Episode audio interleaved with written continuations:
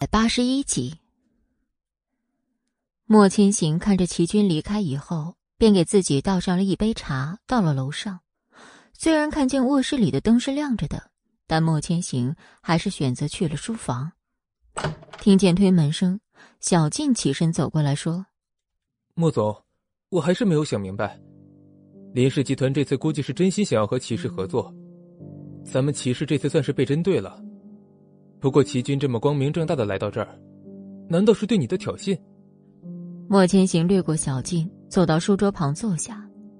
你是怎么知道是光明正大来的？刚才没让你出去，你这半天什么也没参悟透啊！我今天去查完林雨柔的行踪，回来就很担心。可是莫总，你现在气定神闲的样子，搞得我都不知道该怎么办了。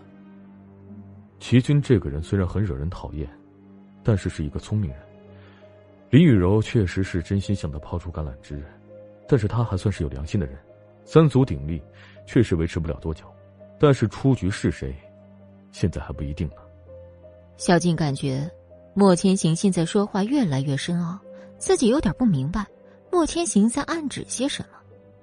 现在莫氏集团可谓是林氏眼中最肥的一块肉，想必很快就会有动作了。莫千行看了看时间。于是给小静交代了一些公司的事儿，便离开了书房。宋冉上楼梯时被齐军说的话影响了，自己心里有了很多不好的想法。现在她怀孕五六个月，但莫千行没有提过和自己结婚之类的话。说到底，自己本身只是莫千行在家里养的一个情妇罢了。可能是自己过得太安逸，导致自己还以为这一切会一直美好下去。宋冉不知为什么，想到之前集团收到的短信，他不相信他的父母会是害死莫千行父母的凶手。关于当年事情的真相，他已经很久没有去搜集证据了。宋冉刚要翻身，便听见推门声，所以他闭上了眼。莫千行看见床上的人翻个身就没再动，他同时也放轻自己走路的声音，走到床边，第一件事儿。是把宋冉床边的床头灯关了，然后才是上床。宋冉其实不明白自己刚才为什么要闭眼装睡，但现在是肯定不能把眼睛睁开了。就在自己不知该怎么办好时，莫千行躺下后，轻轻牵起自己的手。宋冉本来想着自己一会儿就假装醒了，但是没想到自己闭上眼睛没一会儿就又睡着了。林雨柔在公司跟林朗成说完自己最近做的事儿后，林朗成整个人对他刮目相看，同时林雨柔自己也对此充满了信心。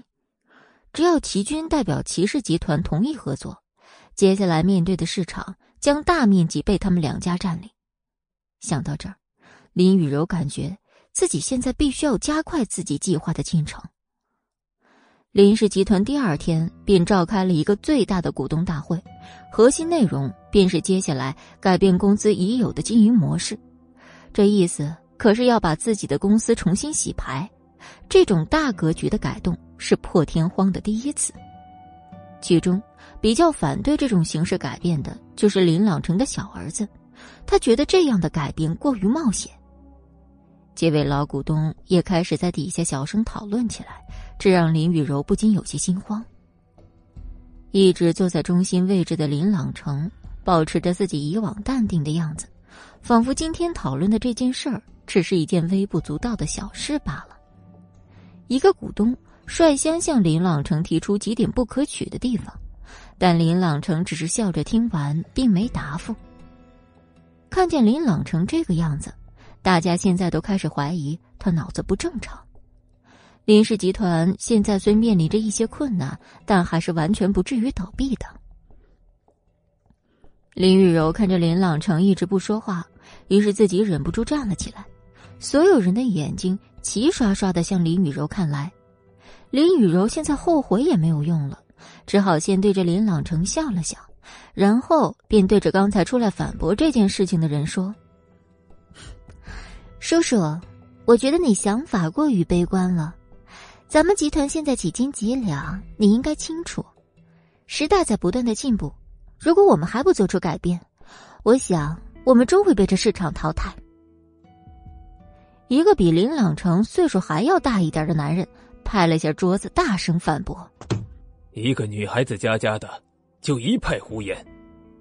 林氏集团一步步走到现在，靠的不是改变，而是我们自己的努力。”林雨柔知道，这老股东对林朗成来说很重要，于是自己只好先坐下。就在他感觉今天会议会失败时，林朗成站了起来。我觉得雨柔刚才有一句话说的特别好：时代是在不断进步的。正因为我们正在努力，所以更不能被这个时代淘汰。咱们集团也是时候做出一些改变了。放手一搏，极有可能会让我们彻底逆风翻盘。不知是不是林朗成这个董事长说的话特别有威信力，在座的各位竟没有刚才那么激烈的反对了。那位比林朗成岁数还要大的老股东直接生气离席。不过，这不影响这次会议的大局思想。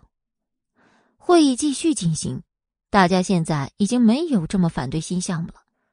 投资这事儿本就是一场豪赌，这一次。要不就是逆风翻盘，要么就是直接淘汰。在最后时，林朗成给了林雨柔一个眼神，于是林雨柔再次站了起来。各位，我有一个好消息分享给大家：骑士集团这次会和我们林氏集团强强联手，还请大家一定要相信我们。这消息一出，大家便有了更为激烈的反应。看着大家议论纷纷。林雨柔的心里更加确信自己这次计划的正确性。这时，他根本没去在意，在会议室的角落里，一直有一个人在注视着自己。大家有什么问题就回去讨论吧。现在，我们跟骑士集团的人就是合作伙伴了。八十二集。散会以后，林朗成把自己的儿子叫进办公室。林雨柔便回到了自己的办公室，给齐军打电话。喂，齐军，我今天可为了证明我的诚意，特别召开了大级别的股东大会。投资这种事情，咱们两家风险一样大。这没有什么诚意不诚意的话，咱们现在都是一条船上的蚂蚱了。是是是，跟你做朋友可真是不容易。你就不能好好说话吗，小齐总？和我做朋友不好吗？我说话不好吗？连雨柔才没有心情和齐军在这继续聊下去。于是随便找了一个借口，便挂断了电话。虽然并不喜欢林雨柔这个人，但是这样被挂断电话，齐军的心里还是不爽。自从那天海伦来办公室找完自己，齐军就再也没有在办公室见过海伦。最近的事情也比较多，林氏集团的那份合约自己已经完整的看过了。现在准备投资的那个项目是一个海外的新型项目，齐军昨天晚上就发给了莫千行，没有半个小时，齐军就收到了莫千行给自己回复的消息。海外投资这种擦边球是非常容易犯法的，林雨柔这是要背水一战，你投资的时候可以动一点手脚，这件事情就快结束了。齐军看着莫千行发来的消息，自己不禁陷入了沉思。现在这种情况，自己真的是在上演碟中谍。不过，莫千行的手到底伸了多长，竟在这么短的时间内就查到了这个海外投资商？想到这儿，齐军觉得自己距离莫千行确实还有点差距。他没有给莫千行回复消息，自己一晚上想了很多。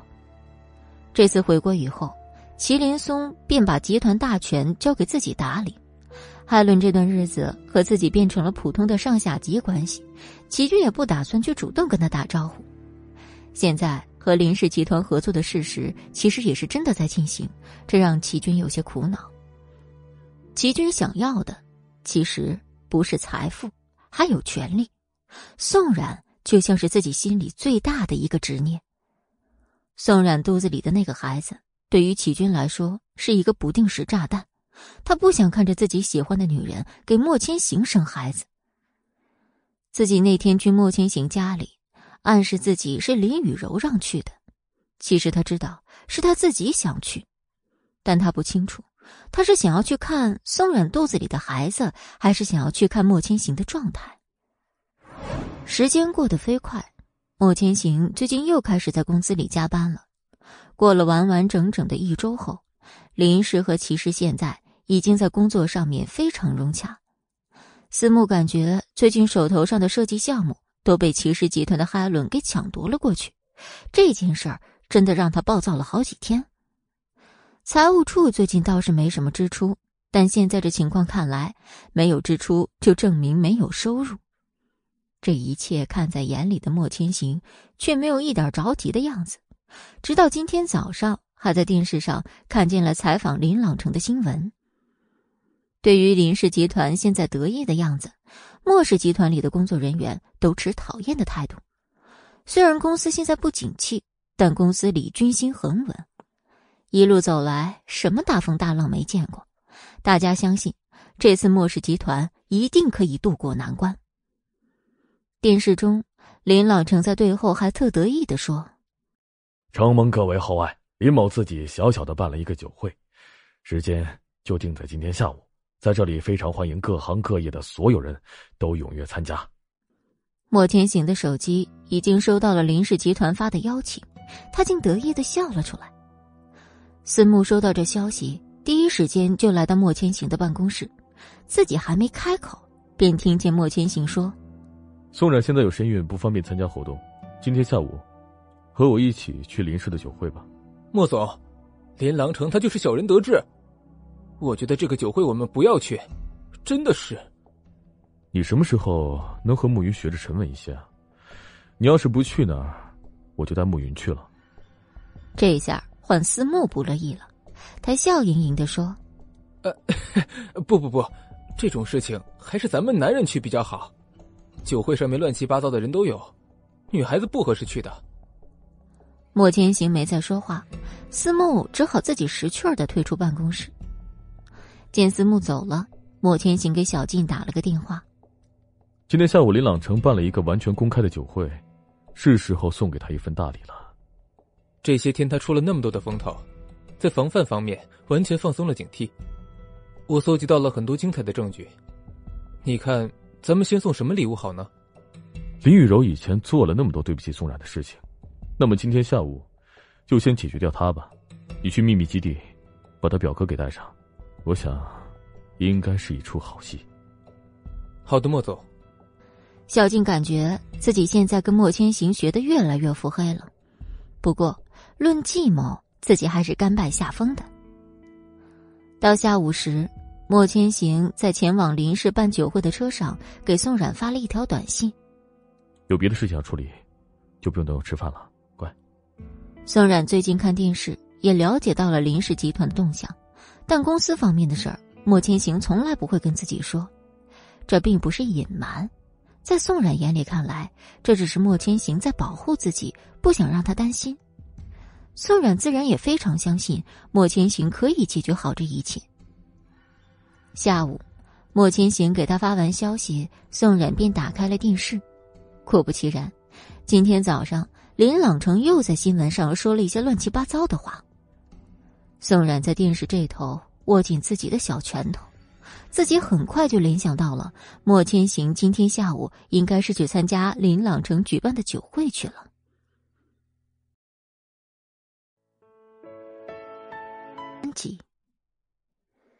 林氏集团这次办的酒会根本不是临时起意，而是蓄谋已久。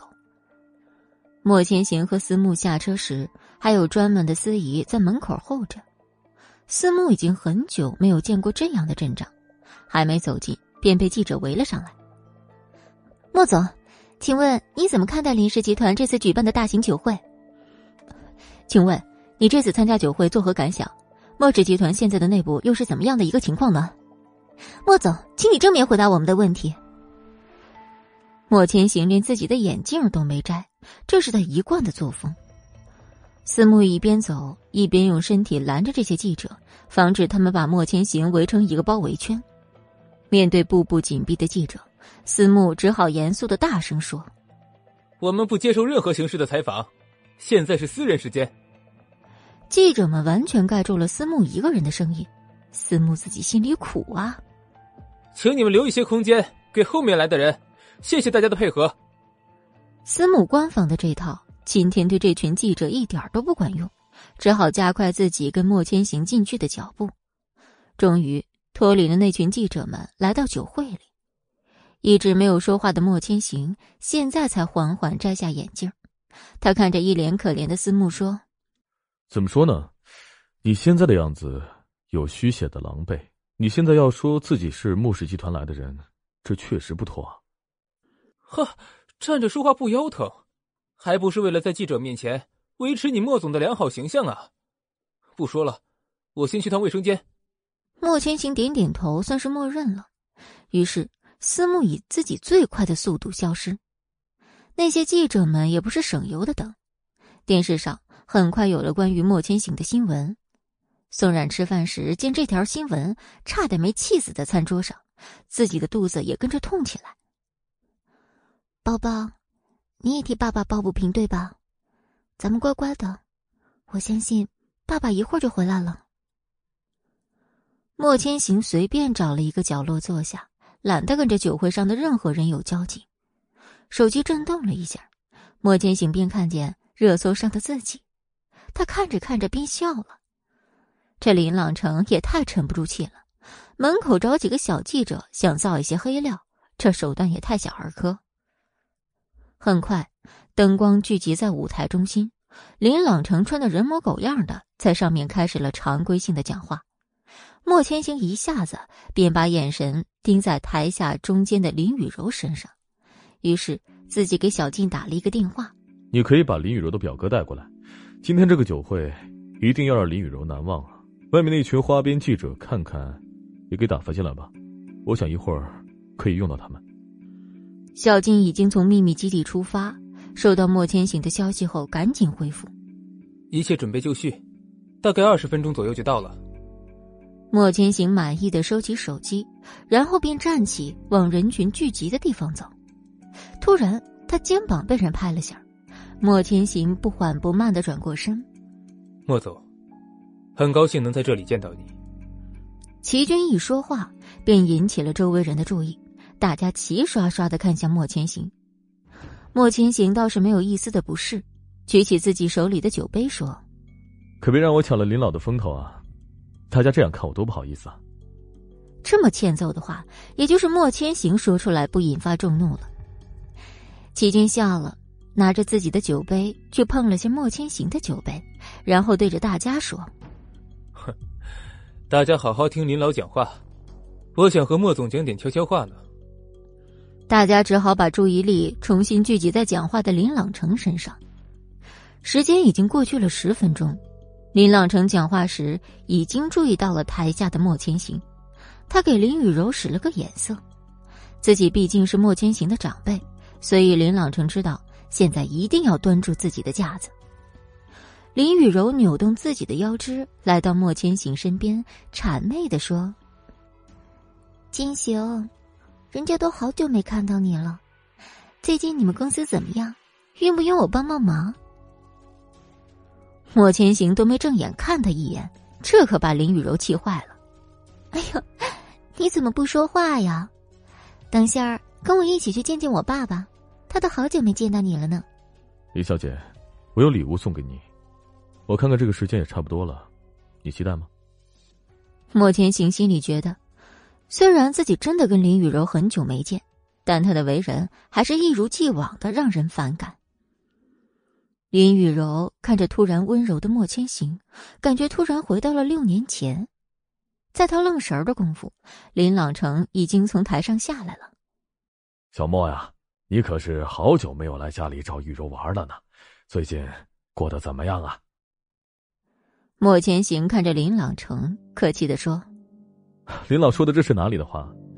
我这不是来了吗？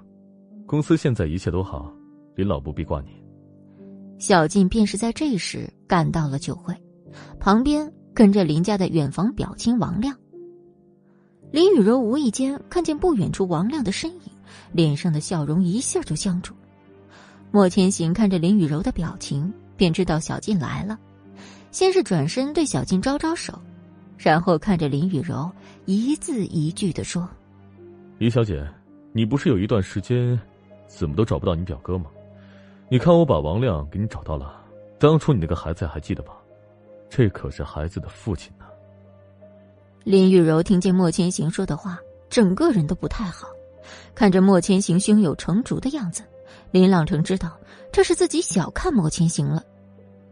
齐军在一旁保持一个吃瓜群众的样子，现在这个情况只能走一步看一步了。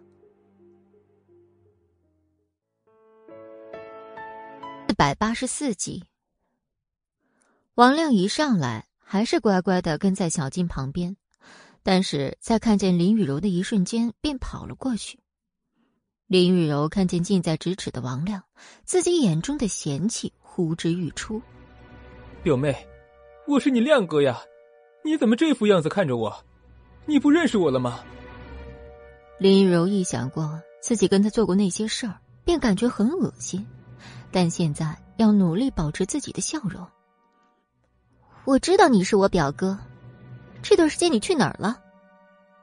现在的王亮感觉比以前更傻了，当着这么多人的面说：“当初帮你绑架了宋冉那个女人以后，我便被人抓起来了。不过莫总偶尔会去看我，这次也是莫总把我救了出来。咱们的孩子现在怎么样了？”听到最后这句，不光是林雨柔，在一旁的林朗成都感觉自己的脸快要被丢光了。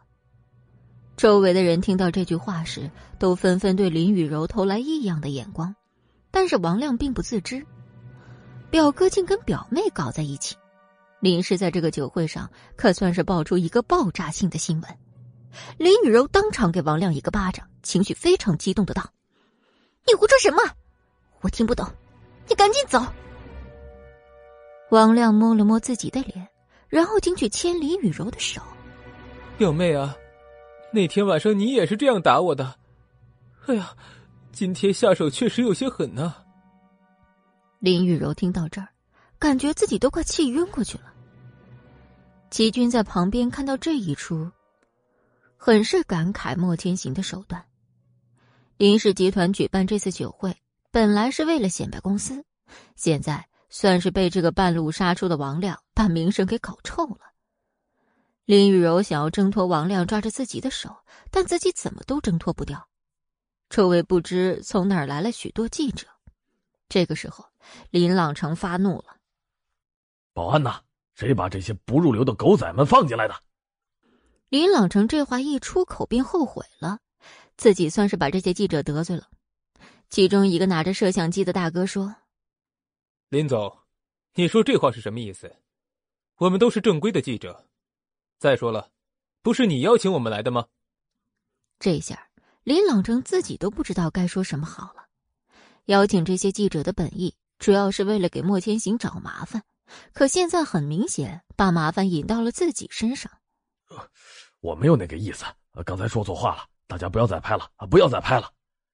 记者对待八卦哪有不热衷的？而且是这种百年难遇的大爆料，周围聚集的人越来越多。王亮就像一块狗皮膏药一样粘在林雨柔旁边，大家也不太靠近这几个大人物，就一直保持着一个完美看戏的围观态度。你放开我，王亮！你放开我！林雨柔现在的模样哪儿还有平时高傲的姿态？五官拧在一起，要多难看有多难看。一直没有说话的莫千行这时开口了。这个礼物够意思了吧？不过啊，好戏才刚刚开始呢。林朗成根本没有想到莫千行竟会有这么一招，但是很明显，林雨柔已经成功被他激怒了。果不其然，林雨柔恶狠狠的说：“莫千行，你什么意思？你别忘了你自己做的那些缺德事儿。”林雨柔听到这儿，算是明白莫千行为什么要来参加这场酒会。他恶狠狠的盯着莫千行。保安终于在这时赶来，林雨柔终于像脱离了狗皮膏药一样的王亮。看着王亮被拖走，这完全在莫千行的意料之中，不耽误他接下来的计划。林雨柔指着那些记者说：“你们不是要拍吗？那我告诉你们，莫千行做的事儿可比我的私生活精彩多了。记者一听这话，便来了精神。小静暗自看了一眼莫千行，莫千行没有任何变化，依然面不改色的站在原地。这样的反应，林雨柔并不满意，于是自己也豁出去了。当年。莫氏集团被宋氏集团接手的事儿，大家都知道吧？莫氏夫妇死后，我一直陪在莫千行身边，直到一个叫宋冉的女人给他做了情妇，他害得我当年连婚都没有结成。听到宋冉的名字，莫千行终于有了反应。李雨柔，你给我住口！他的名字也是你能提的，不要再垂死挣扎了。哼，怎么不能提？宋冉不就是当年害死你父母凶手的孩子吗？你现在还把她搞怀孕了，这是不是对她的报复啊？他是你仇人这件事又不是没有人证，我不怕你。在场的记者感觉自己手中的摄像机都在颤抖，这酒会上到底还有多少料要绑？宋冉吃饭时看新闻生气，并关上了；但自己吃饭无聊，便又打开了电视。林雨柔说的这些话没经过任何剪辑，直接放到了网上。宋冉不知自己是怎么看完的，他忍着腹部传来的痛感，拨打了莫千行的电话。莫千行感觉口袋里的手机震动，但他没有看是谁打来的，便直接把手机摁了关机。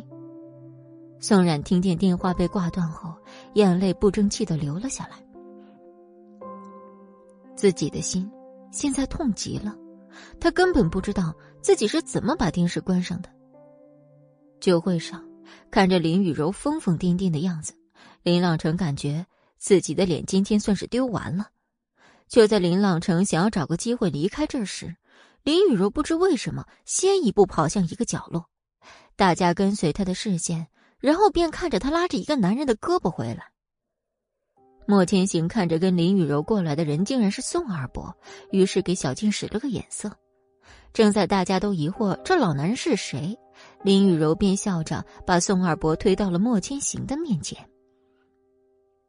他就是当年的人证，宋家跟莫家的仇人，这消息准没错。大家对他肯定不陌生，他就是当年莫氏集团的人，也算是宋冉的二伯。虽然宋氏多年没被人提起。但记者们对当年的新闻还是记得很清楚的。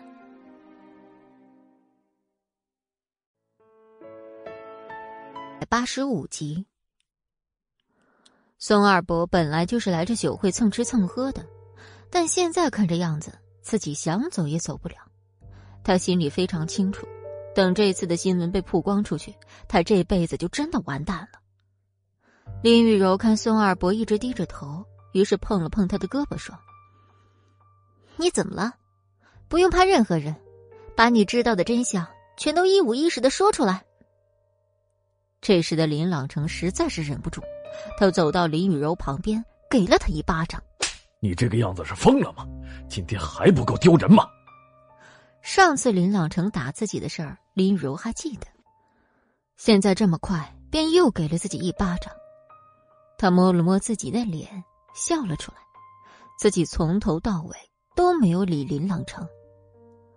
宋二伯看着现在这局势，自己根本不知道该怎么办。莫千行在这个时候开始说话了：“是啊，真相确实该大白了。”他缓缓抬起自己的头，看着面前好几台摄像机，一字一句的说：“当年莫氏夫妇去世的事情，全部都是林氏集团的林朗成主导的，还有宋冉的父亲也是被林朗成陷害的。”当年四个集团因为林朗成一个人的搞鬼四分五裂，骑士集团的夫人也是因为遭到林朗成的计算才自杀的。林朗成听到这儿，整个人直接站不住，坐到了地上。莫千行终于露出自己的笑容，在一旁的齐军也没有任何的表情变化，反应最为激烈的就是林朗成了，其次便是在场的所有人。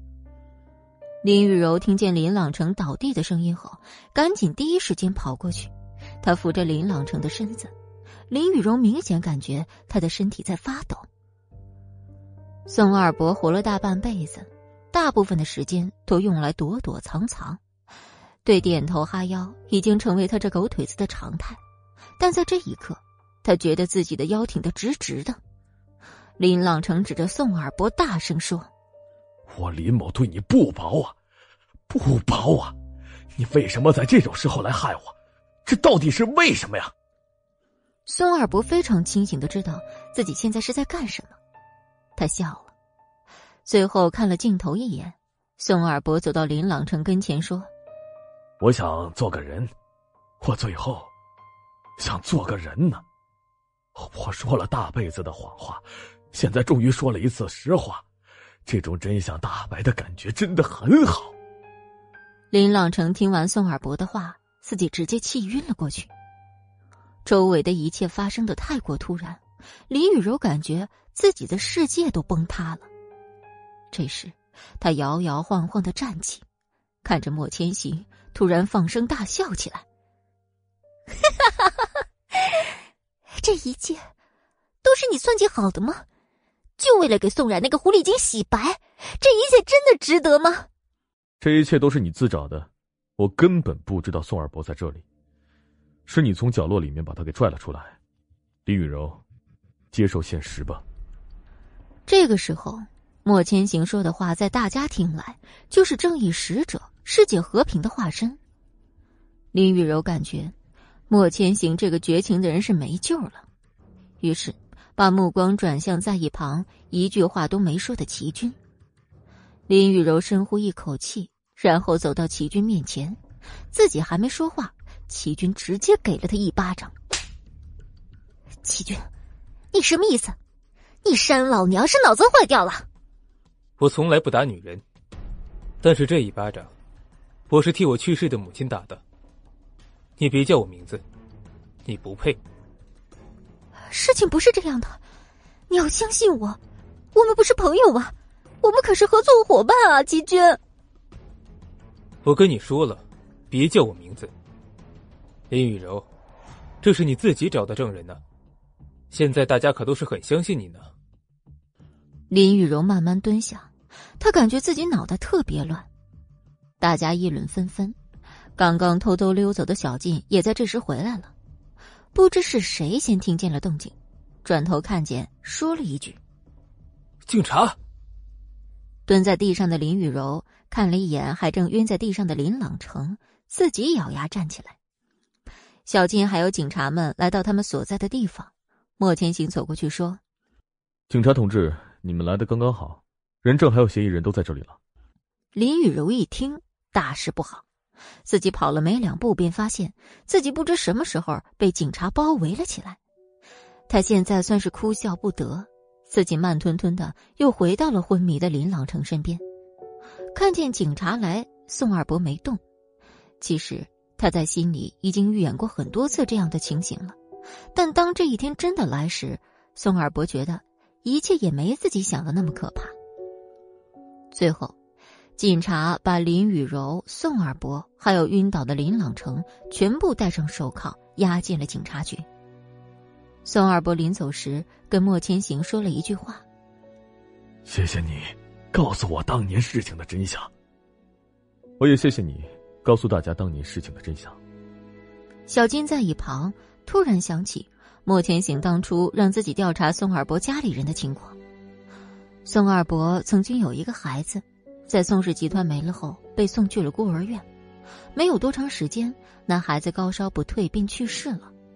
这件事儿被孤儿院瞒了下来，孩子最后被葬在了郊外一个墓地园里。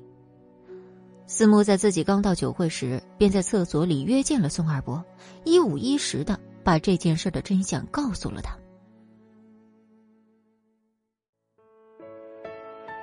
四百八十六集。这时，酒店包间里，赤裸着全身的女人在身下喘息。电视里面正播放着今天关于林氏酒会的新闻报道，让人羞涩、心跳加快的声音和新闻掺杂在一起，此起彼伏。男人完事儿后，从这女人身上胯下走进浴室里去洗澡。这女人还能是谁？就是跳楼假死的米蕊。就像刚才发生这种事儿的不是自己一样，明蕊的眼睛里早就已经没有任何的光芒了。他保持着原来的姿势趴在床上，伴随着浴室里哗啦啦的水声，继续看电视上的报道。明蕊根本没想到林雨柔竟然被捕了，还有他的父亲跟宋二伯被判了无期徒刑。今天发生的事情出乎他的意料，但是他不能轻易露面。关于在医院替身跳楼，让大家认为明蕊这个人已经死了的事儿。他只告诉了林雨柔一人。虽然现在已经过去了一段时间，但是为了万无一失，明蕊还是觉得自己需要再隐忍一段时间，一定要等这个世界彻底遗忘了自己才可以。电视里面现在正在播放莫千行的片段，明蕊暗自握紧自己的拳头，同时他嘴里小声的嘟囔：“雨柔，你放心。”我一定会为你报仇的，莫千行，还有那个该死的宋冉，我一定会让他们为你，还有我自己付出代价。身形油腻的中年大叔洗完澡出来，看明蕊依然一丝不挂的躺在那儿，一个没忍住，大叔又凑了上去，压得明蕊一下子便回过了神儿。他下巴上的胡子扎得明蕊脸有些疼。他感觉油腻大叔那肮脏的手又开始在自己身下摸索，明蕊虽心里厌恶，但表面还是一副谄媚的模样。哥哥，你就放过人家吧，你这么厉害，人家这小身子可受不了。这种事儿怎么可能明蕊说停就停？于是这样，明蕊就又被他就地正法。明瑞在油腻大叔的身下闭上眼。心里没有半分愉悦，只有无尽的恨意。他知道，自己之所以一步步到了今天，全都是宋冉那女人害的。明瑞假死以后，并不能光明正大的找工作，于是现在只能靠陪那些有钱人睡觉挣些钱。他知道自己的身子早就不干净了，而且这辈子都没办法生孩子。这种结果导致明蕊越来越不爱惜自己，索性现在以此为生。明蕊现在需要找一个合适的人做自己的靠山，或者说找一个合适的契机。他现在需要一个假身份，可以帮他再次回到那熟悉的地方。明蕊知道，自己想要重回大众视野，势必需要一个新面孔，所以整容是很关键的一步。满足自己这两项硬性标准后，明蕊在想着关于自己复仇的计划，可以再次启动了。身上的男人没有十分钟，又从他身上下来。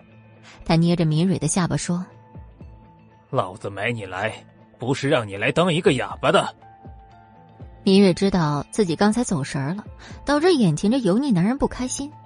自己刚要解释，油腻的老男人便用手摁住了他的头。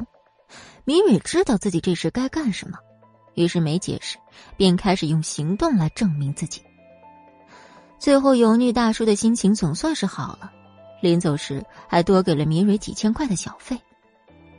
看着白床单上散落的钱，明蕊心里终于有了一丝的欣慰。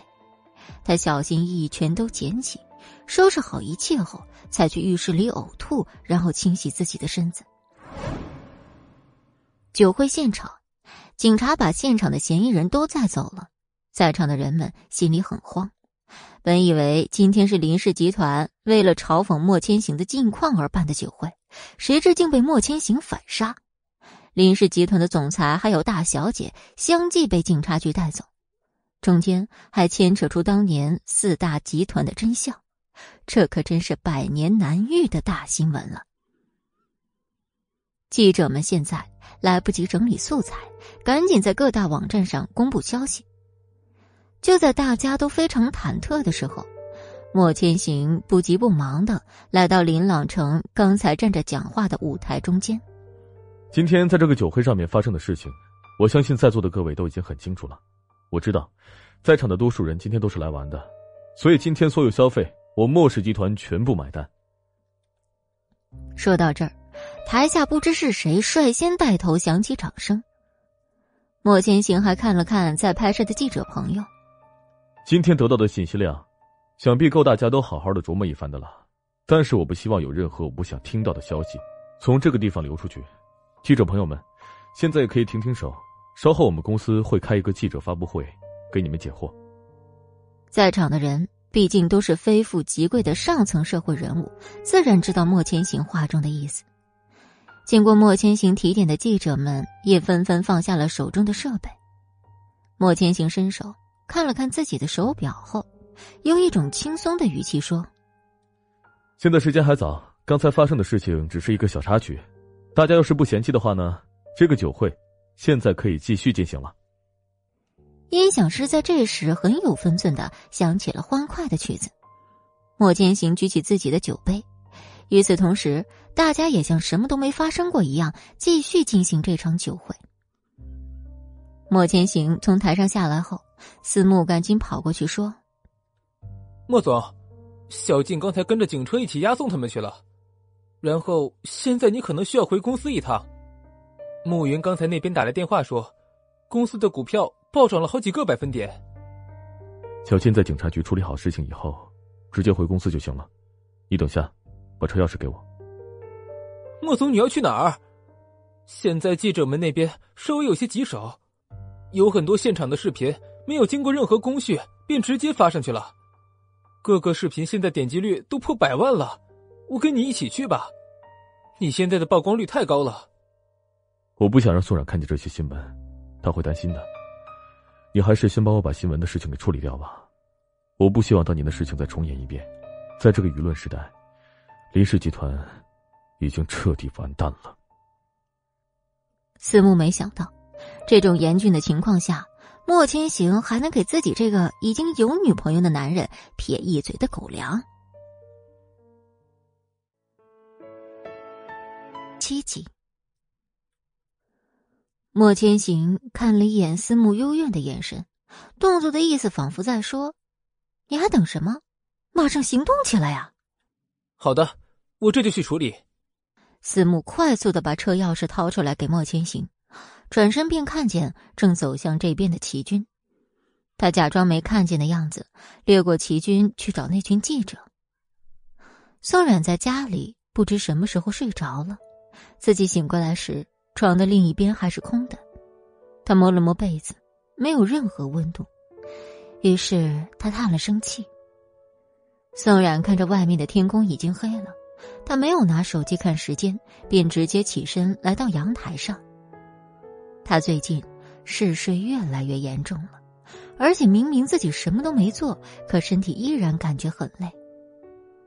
宋冉看着像泼了墨一样的天色，手不自觉的抚上自己的小腹。圆滚滚的肚子里，现在正孕育着一个小生命，但宋冉开始不确定莫千行的心意了。莫氏倒闭那天。莫千行凭空出现，把集团收购，同时也买下了他。从一开始两人吵架不和，到经历了很多困难，宋然感觉这一切回想起来就像一场梦一样。在故事的最开头，是自己跟莫千行在一起，这个故事现在依旧是他和莫千行在一起。可宋冉不知道为什么，自己心里竟有些不确定莫千行对自己的感情。也许是自己孕期太过敏感了吧，或许是今天看了林氏酒会的新闻，丧失了自己的判断。宋冉是用以上的猜测来安慰自己的，但事实证明根本没用。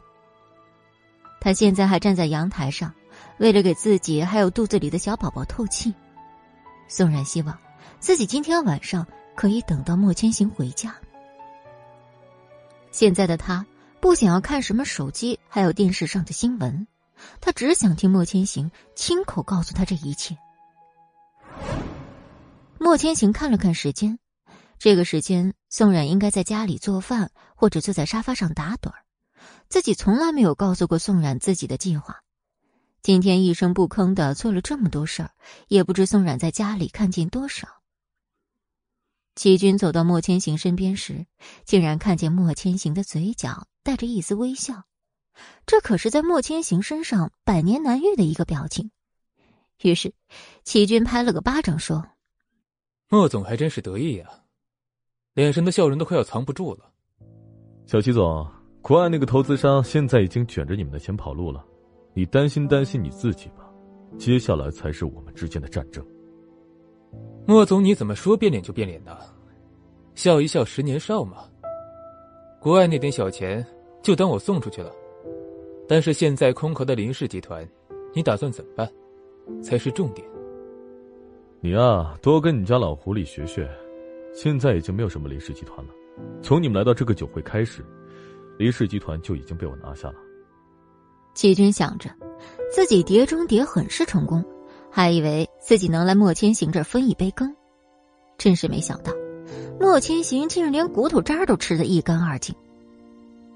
看见齐军没有要说话的意思，莫千行很好心的提醒齐军道：“我跟你说过了，我会给你找出当年的证据，这便是。”我送给你帮忙的礼物了。面对这个腹黑又巧舌如簧的莫千行，齐军真的感觉自己要败了。莫总还真是会算计呢。我在这里先谢过你了。莫千行大方的摆摆手，拿着车钥匙说：“以后有的是机会见面，不过我有件事可以提前告诉你一声，我打算把宋氏集团重新给宋冉了。毕竟当年的事情，他也是无辜的受害者。”莫总，你真会收买人心呢。不过宋冉曾经被你伤害成什么样子，你心里面清楚。你这个想法，宋冉他知道了吗？我上次去你家，感觉他过得并不开心呢。曾经是曾经，现在不一样了。还有就是他开不开心，我知道。你作为一个局外人，早日摆脱这种执念才好啊。齐军迟钝了下，执念这两个字让他说不出话来。于是，齐军没有回答莫千行的话，便离开了。齐军不知道的是，他迟疑的反应让莫千行很是满意。关于把集团重新给宋冉的想法，是自己刚想出来的，宋冉还不知道。提到宋冉二字，齐军感觉自己心里闷闷的。他觉得他根本没办法跟莫千行进行交谈。莫千行在要离开酒会时，有很多人要拦下他喝酒聊天一上来，他还拿着红酒应付。到后来，他发现自己这样根本不行。酒会上那么多的人，自己还没出这个门，就要醉得不省人事了。于是，在别人又凑上来跟自己说话敬酒时，他非常绅士的说：“我女朋友不喜欢我喝太多的酒。”简简单单一句话，替莫千行成功挡下所有的酒水。莫千行坐到车里时，才想起自己是在酒驾，于是给小静打了个电话。我喝酒了，你来酒会这里接我。小静刚好从警察局里出来，然后顺便把林雨柔三人的情况汇报给莫千行。听到无期徒刑时，莫千行感觉自己心中终于也松了口气。当年自己的父母被林朗成陷害而死，今天。自己终于替他们报仇了，莫总，思慕说你让我回公司一趟，我现在还没有去，我先去接你，然后再去公司看一下吧。今天出了那么大的事情，想必公司里面的人也有些不稳定。好，那你来接我，咱们一起去公司看一下，然后回家就行了。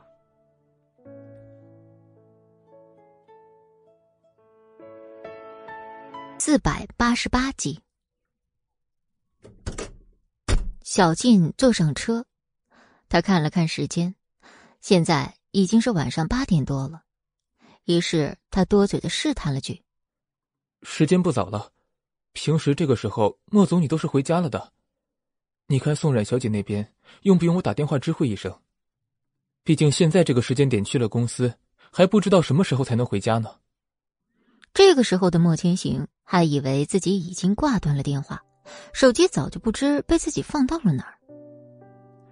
莫千行现在的脑子里只知道他脑袋有些疼，估计是自己在酒会上喝的有点猛。他根本没听见小静说话，他闭着眼，一心一意的按摩自己的太阳穴。小静一直听不见莫千行的回话，默默把手机挂断。在路上时，小静感觉。莫千行刚才不愿意回话，一定是自己说错了。想到这儿，便有些能说通了。于是，自己来见莫千行以后，也没有再提宋冉的名字。到了公司楼下，莫千行感觉眯了一会儿，自己的头现在已经没有那么痛了。现在早就过了下班的时间，但大多数的工作人员还在公司里加班。莫千行先是了解了一下公司股票暴涨的事儿，随后自己看了一遍现在在电视上流传的新闻。今天的动静属实闹得有些大了，不过总算是林氏集团给解决了，当年的事儿也水落石出。莫千行感觉自己身上的担子一下就轻了不少。从莫氏集团回到家时，已经是快深夜十一点多了。小静下车以后，先是抬头看了看二楼卧室，发现没开灯，便松了口气。莫总，那么晚了，我就不进去了。今天你也辛苦了，早点回去休息吧。明天来接我的时候，记得通知一下思慕，有件事情还需要处理一下。小静点点头，开车离开了莫宅。莫千行来到客厅，王妈便从一旁走过来说：“莫总，你回来了，吃晚饭了吗？今天下午冉冉小姐就上楼去睡觉了，怀孕了，很是嗜睡，一直到现在都没下楼呢。”那王妈，你做点清淡的饭菜，等下我和宋冉一起下来吃。王妈听完这话，可开心了，赶紧起身回厨房开始做饭。莫千行上楼以后，推开卧室的门，发现灯没有开。他还以为宋冉没醒，于是也没开灯，轻手轻脚的来到床边。这时，阳台的灯突然亮了。你回来了。细心的莫千行一下就听出宋冉说话的语气跟平时不一样。你睡醒了，肚子饿不？我让王妈给我们做了一点夜宵，一起下去吃吧。莫千行，我问你一个问题。你说，都这么长时间了，我在你心里，到底算是什么？虽然不知道宋冉为什么突然这样问，但莫千行知道，宋冉一定是看了今天下午的新闻。现在莫千行不知道宋冉是怎么想的，但是自己一直把他当成仇人这件事儿，确实是自己不对。宋冉，对不起，我错过了你那么长时间。其实我，我知道，你不用再说了。莫千行，我是你合约买来的情妇，那你说，我肚子里的孩子算什么？这一切。是不是太荒唐了？莫千行想要伸手扶住宋冉，却被宋冉无情的躲开了。我没事，不用你扶，更不用你维持这段虚情假意的感情。宋冉几乎用他最大的声音把这话说出来，他感觉自己的小腹一阵抽疼。宋冉，你到底是怎么了？维持虚假，这些词你说出来是认真的吗？宋冉心中当然知道，自己说出这话有多伤人，可他受够了自己现在这种身份。莫千行注意到宋冉一直捂着自己的小腹，脸色并不是很好，于是他只能向后退几步。今天下午我去参加了林氏集团举办的酒会，把大大小小的事情全部处理完，所以才回来晚了。宋冉感觉自己的额头已经开始冒冷汗。所以不得不略过莫千行，自己回到房间中，坐到了床边。宋然，我知道，我一上来就让你做我情妇是侮辱到了你。可是当年我父母去世的时候，你们宋氏便理所应当的把莫氏集团给收购的事情，我感觉我被全世界抛弃了。我没有想过要报复过你，我想要变得强大，保护你。宋冉觉得莫千行现在说这些很可笑，原来对自己的囚禁叫做保护。看见宋冉不屑的表情，莫千行就知道，今天电视上面的新闻他很有可能没看完整。之所以宋冉对今晚回来的自己反应这么大，应该是受了什么刺激。想到这儿，莫千行感觉自己要醉的脑袋也变得更加清醒。我对你的喜欢早在几年前便告知天下了，现在我依然也喜欢你，宋冉。对不起，情妇，只是我刚刚开始为了刺激你而说的话。我的心中现在十分后悔，我没有去维持过感情，因为我对你的感情都是真的不需要维持的。宋冉愣在原地，缓缓抬起自己的头，不知什么时候湿润的眼眶，在听到莫千行的对不起后，彻底绷不住了。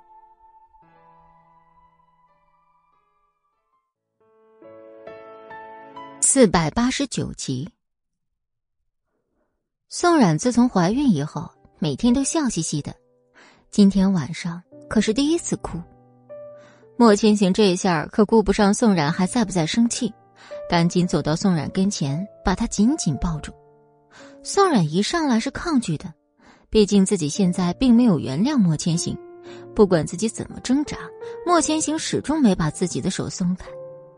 宋冉呜呜的放声大哭起来，连他自己都不知道他到底为什么哭，只是在他大脑一片空白时，心中有一种强烈的预感。在暗示宋冉结果，那就是，当他感觉自己被莫千行抱在怀里时，上帝在他耳边说了四个字：“在劫难逃。”莫千行听见宋冉哭这么大声，自己的心都跟着担心起来。他一边用手拍着宋冉的背部，一边轻声说：“我知道错了，你要原谅我好不好？我冤枉了你父母的清白，还冤枉了你。”我真的做错太多事情，但是还好，现在终于真相大白了。你，你真的是莫千行吗？我是莫千行，宋冉的莫千行。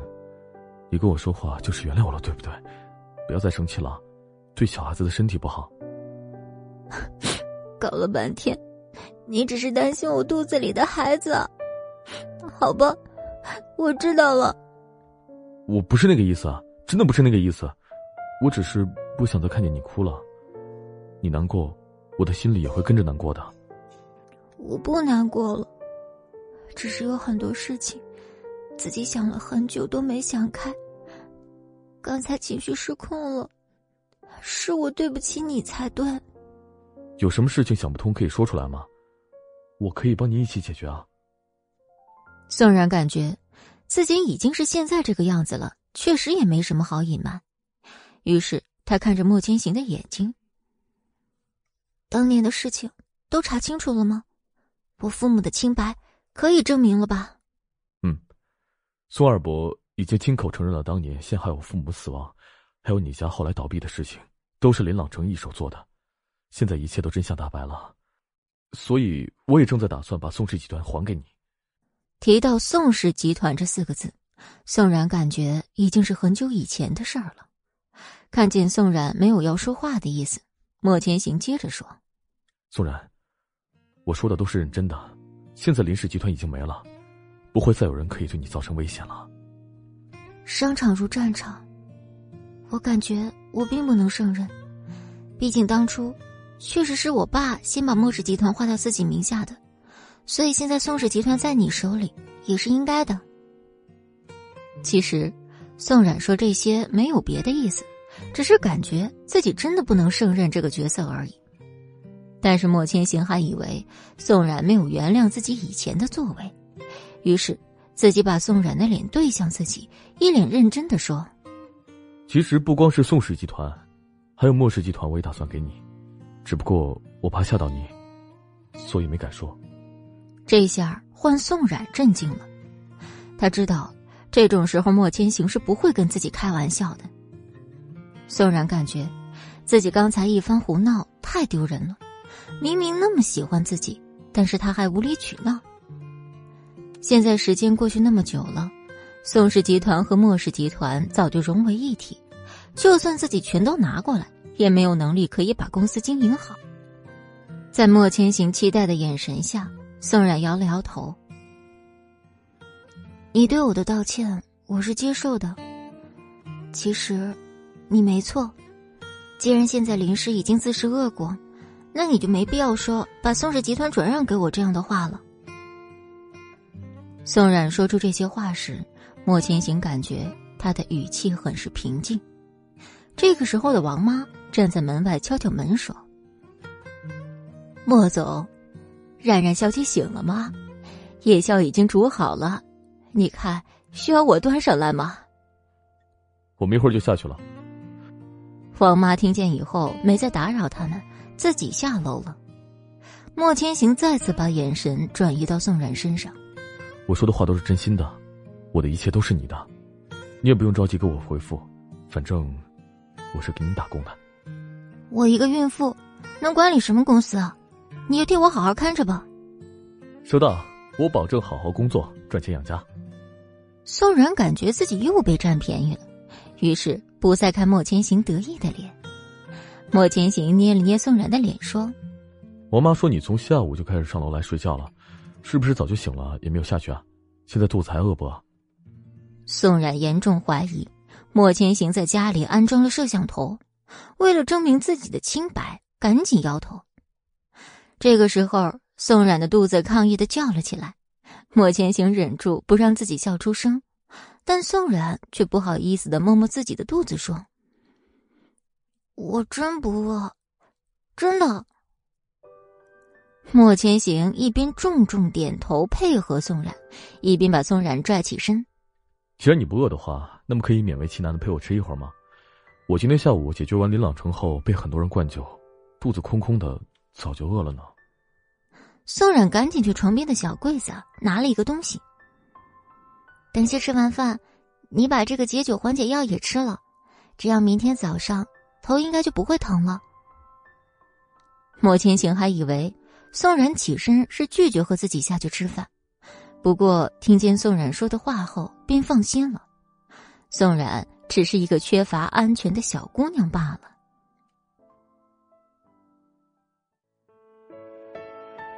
百九十集，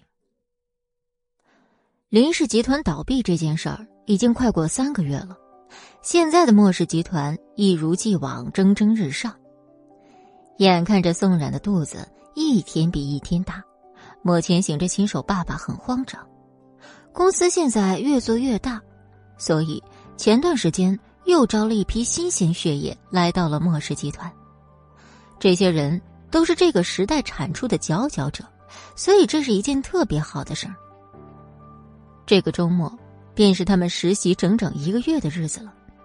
暮云作为莫氏集团里的一把手，打算给他们办一个欢迎仪式。面对这一批人中几个表现特别出众的人，自己打算上报给莫千行。现在私募的设计部还有外宣部都需要新的人手进行融入，这种大的调动还是需要请示莫千行的。暮云把资料整理好后，看了看时间，上午十点二十分。他心想，现在去给莫千行汇报工作的话，中午应该还可以跟思慕再吃个饭。于是，心动不如行动。暮云拿着新人资料来到莫千行的办公室外，敲了敲门，便自己走了进来。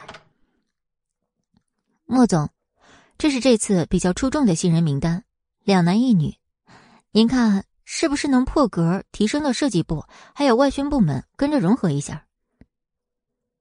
莫千行接过名单，随后示意暮云可以先坐下，然后自己开始翻看名单。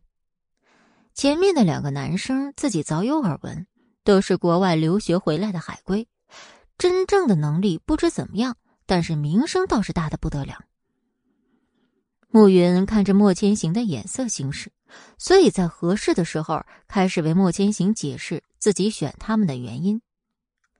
莫千行知道暮云看人的眼光，于是自己直接翻到了最后一个女生的名单。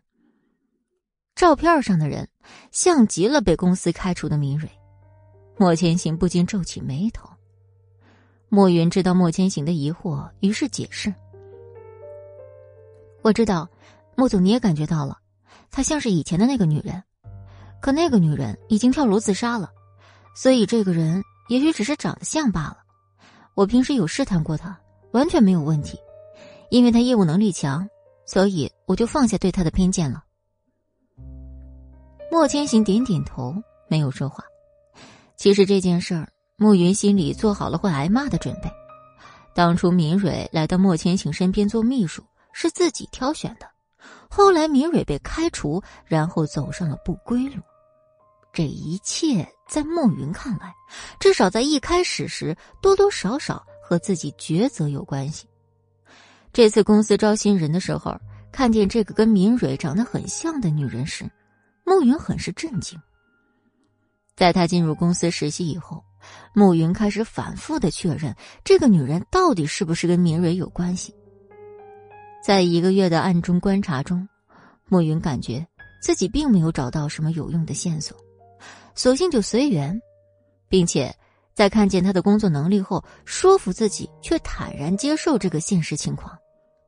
两个男生设计部和外宣部一边分一个人就够了，至于那个女生，暂且不动她现在的位置。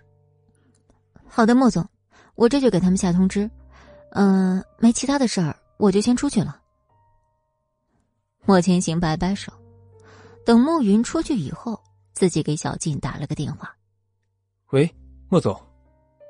林雨柔在明蕊去世以后，在那个出租屋说的话，我当时让线人拷给你了吧？你今天下午上班的时候给我带过来了，我怀疑明蕊真的没有死。小静刚开始还有点疑问，但当听到最后一句时，心里着实吓了一跳。莫总，你是不是找到了新的证据？宋冉小姐下午让我和她还有王妈一起去买菜，你看这边要说一下吗？那你现在带着东西过来一趟就可以了。宋冉那边不用说。小金答应后便挂断了电话。莫千行的心里也很没底，毕竟当时明蕊是当着自己的面从楼上跳了下去的，自己的人跟踪林雨柔那天便让他很是起疑，但是也只是起疑而已。毕竟人死不能复生，所以莫千行感觉为了防止宋冉害怕，还是决定不说了。现在也只是看见一个长得跟明蕊像的女人，这种外貌上的相像。更不能让宋冉知道，万一最后真不是明蕊，那岂不是让宋冉白白担惊受怕？得不偿失的事儿，莫千行必须自己亲自确认好了，再决定告不告诉宋冉。小静便把关于林雨柔那天的语音拿到了公司，同时还有明蕊当时进公司做的身体健康证明档案。莫千行拿到这些东西后。在电脑上调出了公司实习生的身体健康档案，里面的数据是完完全全一样的。于是莫千行基本可以确定，这个人就是明蕊。虽然当时跳楼到现在也解释不清，但事实还是摆在眼前的。可能明蕊觉得，最危险的地方就是最安全的地方，又或者他是要重新报仇。不管他现在是什么样的原因再次来到莫氏集团上班，莫千行都不会给他这个机会。小静，你去人事部走一趟。那个女人被开除了，这次有没有什么原因？好的，莫总。莫千行说的话明显是话里有话，小金不敢耽误，赶紧去人事部走了一趟。十分钟以后，实习生的工作群。便发送了这么一条令人震惊的消息。明蕊看着电脑上显示自己被莫千行辞退的消息后，他不但没有伤心，甚至还笑了出来。这一次，他没去人事部问为什么会辞退自己，而是直接在大家疑惑的眼光下离开了莫氏集团。没拿任何东西的明蕊一身轻松。他出大厅时，没有人在意他被开除了。站在莫氏集团的门口，明蕊眯了眯眼睛，抬头看着那个最高的地方。这时，明蕊露出了自己久违的笑容。时间过去这么久了，没想到我又回来了吧？这才是刚刚开始。同样的事情发生，我不会做同样的选择的。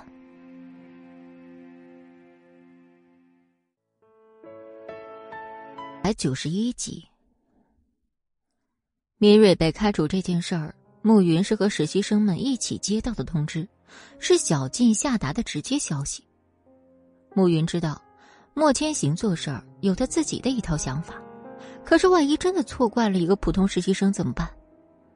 哪怕心中有一丝的担心，但是事到如今，只好接受这个事情。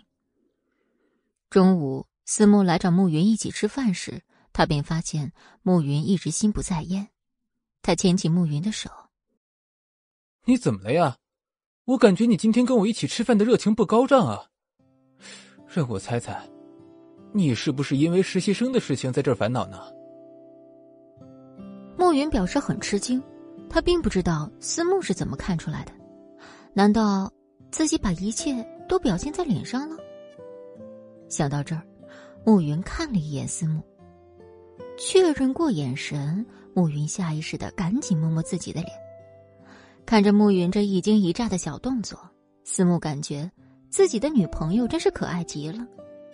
他正捂着自己的脸，不知该从何说起，思慕便在这时轻轻拍拍他的头：“宝贝，你不要那么慌张，在公司能看见手足无措的你，可真是难得呢。”乖。暮云以前认为思慕是一个花花公子，现在在一起以后，发现他真的是一个很温柔的男孩子，更是一个超级好的男朋友。暮云干脆放下自己的保护色，靠在思慕的肩膀上说：“我感觉手足无措没什么不好的，一直以来都是我帮大家手足无措，可没有人看穿我的假装。”直到你来了，莫总刚才给我打了一个电话，他说明蕊假死的事情得到了证实。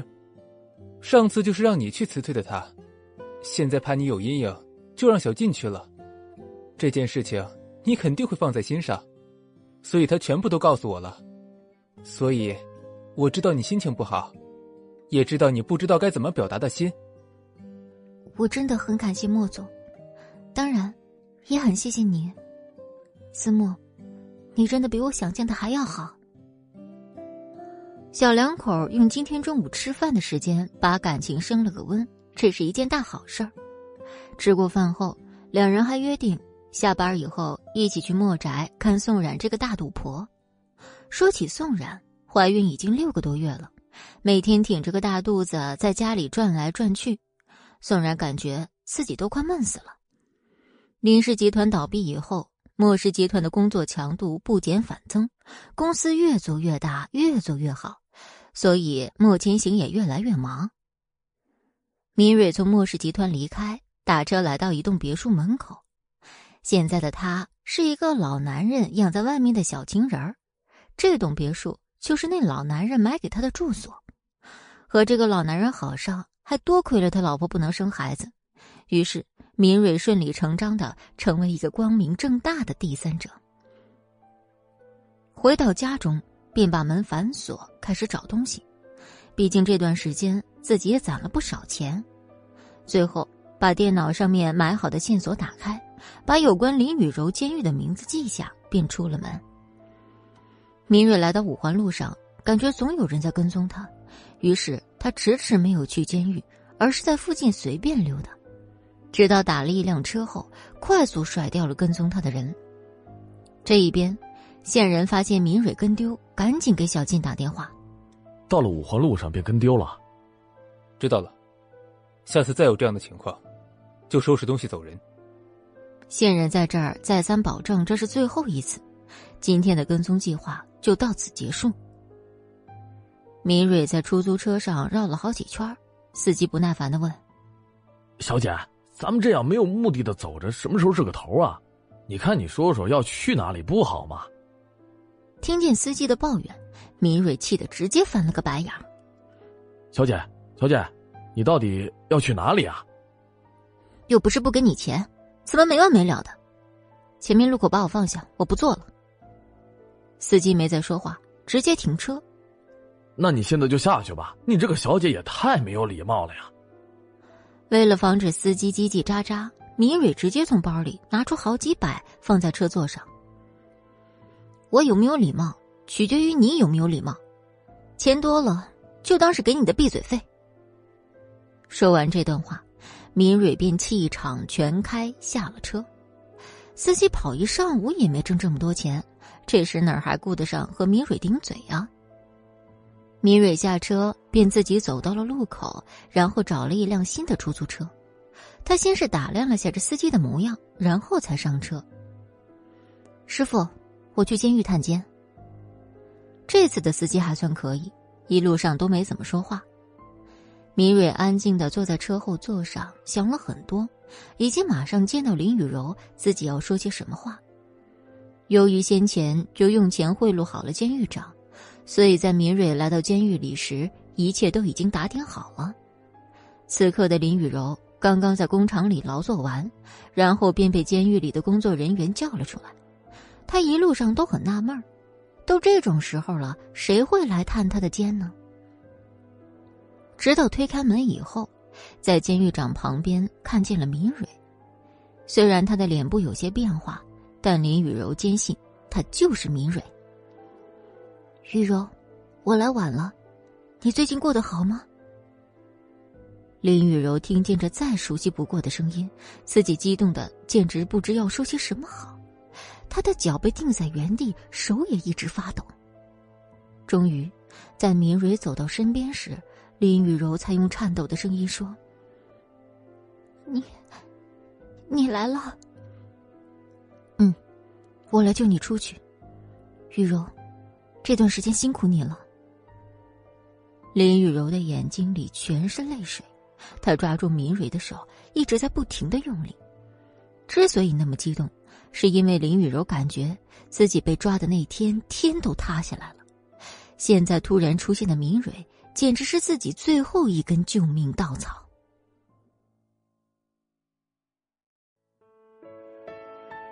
四百九十二集，林朗成被判了无期徒刑，这是明蕊没有办法拯救的事儿。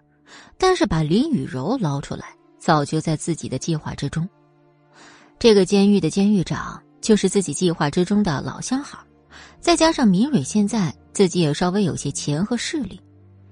今天来看望林雨柔的同时，自己也一定要把林雨柔彻底从监狱里解救出去。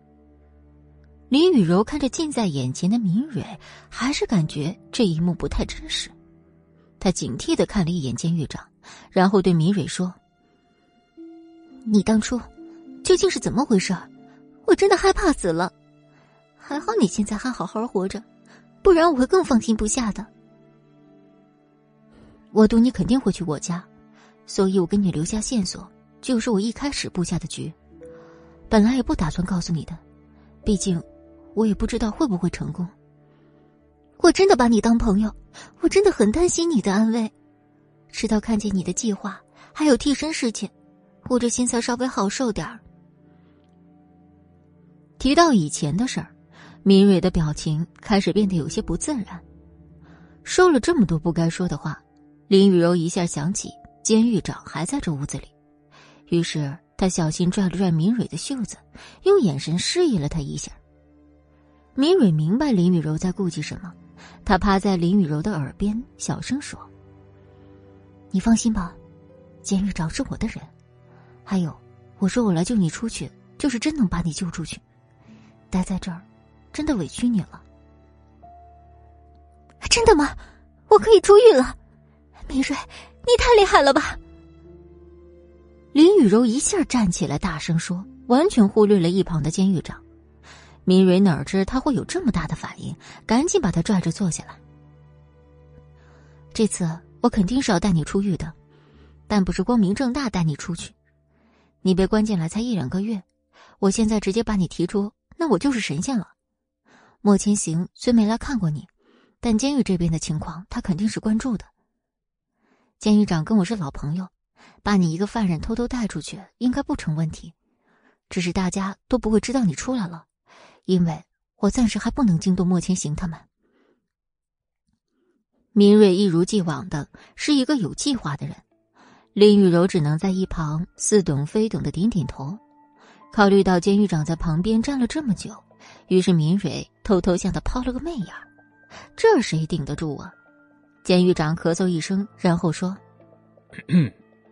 时间差不多了，林雨柔，你先回去准备一下吧。等一会儿我会找人把你从宿舍里面提出来，然后咱们后门见。谢谢你的照顾，监狱长。那我现在就回去，等一下见。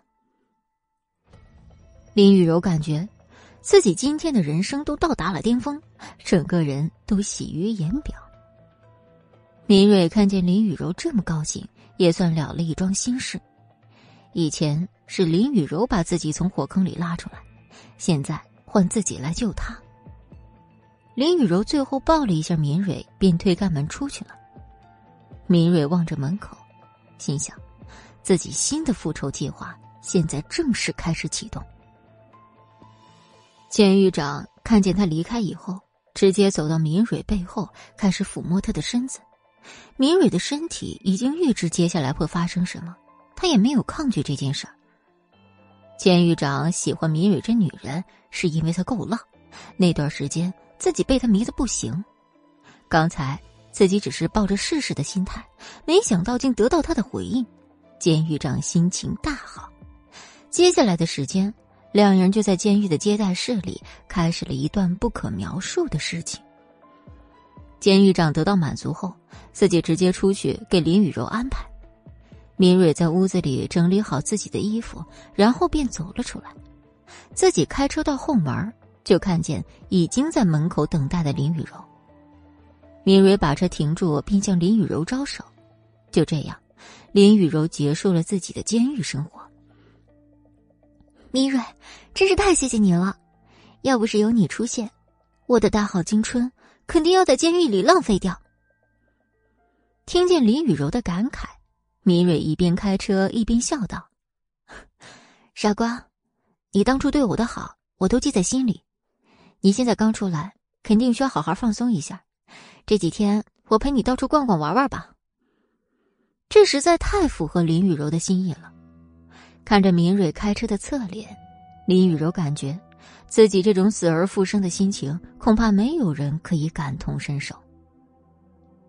明蕊开车来到自己新租的小公寓里，林雨柔下车都是一蹦一跳的。推开门后，里面家具摆设了各种东西，全都有。看着这个小家，林雨柔直接震惊的在原地不动了。明蕊还以为。林雨柔这娇生惯养的大小姐不喜欢这个小房子，于是赶紧解释：“我现在没有很多的钱，所以这已经是我能买的最好的屋子了。雨柔，只能先委屈你了。没有没有，我是太喜欢了，我根本没想到你为我准备了这么多东西。以后这就是咱们俩的小家，那我可进来了。进来吧，这小家只是暂时的。”咱之所以变成这样，是因为宋冉那个贱人，莫千行为了他，把我们都害得好惨。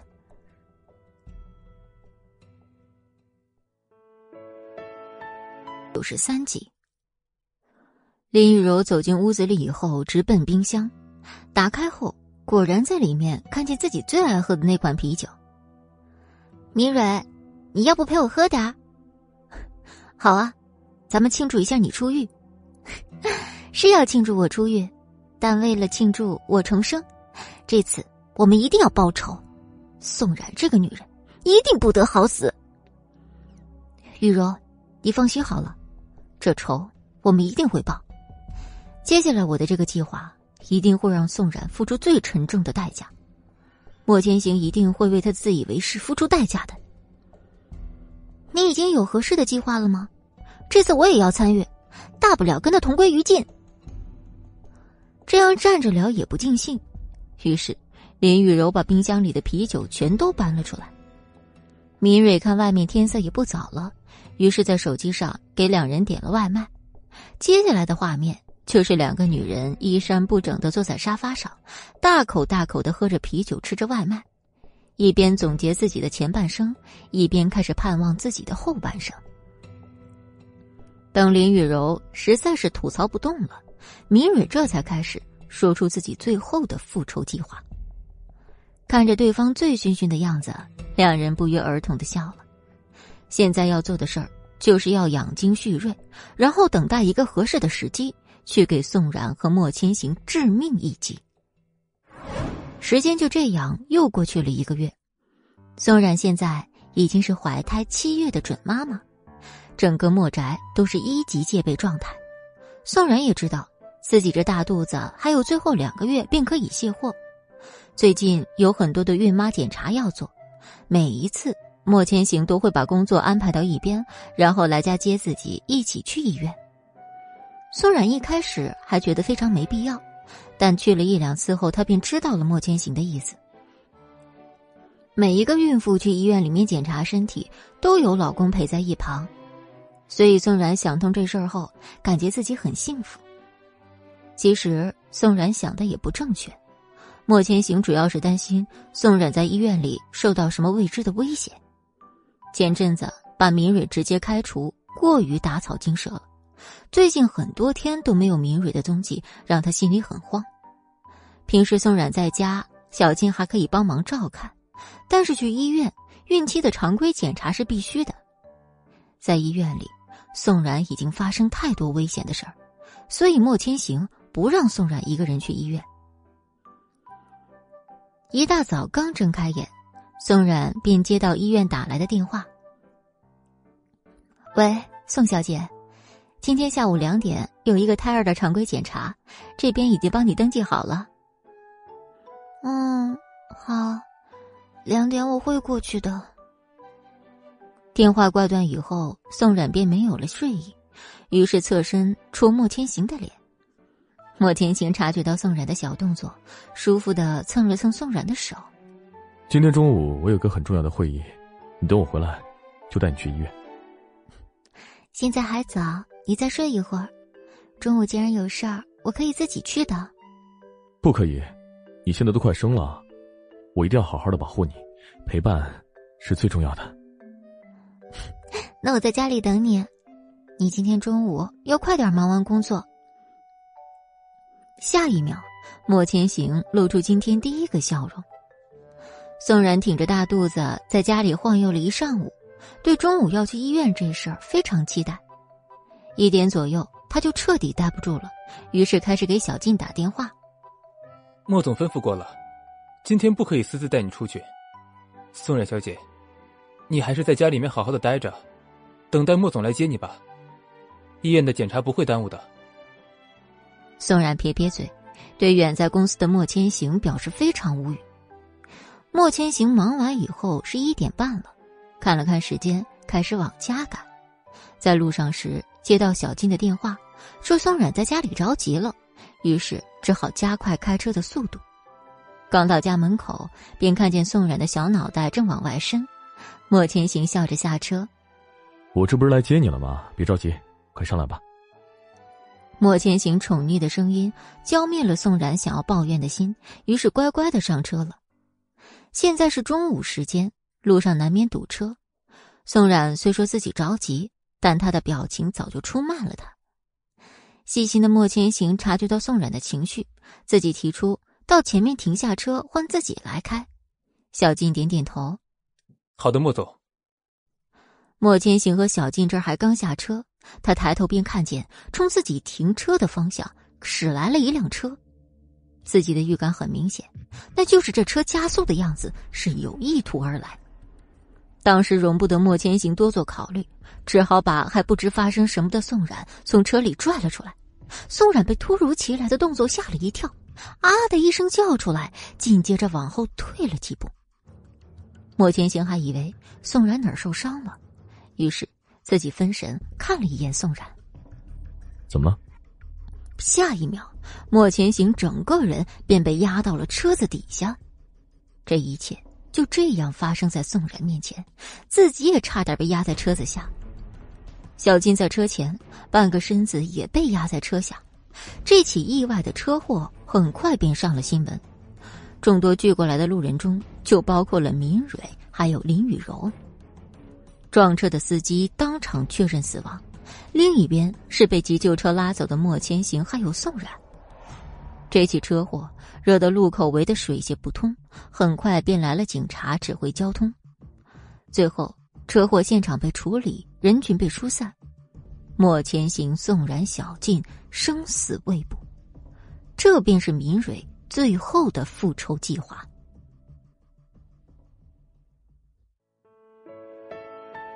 第四百九十四集，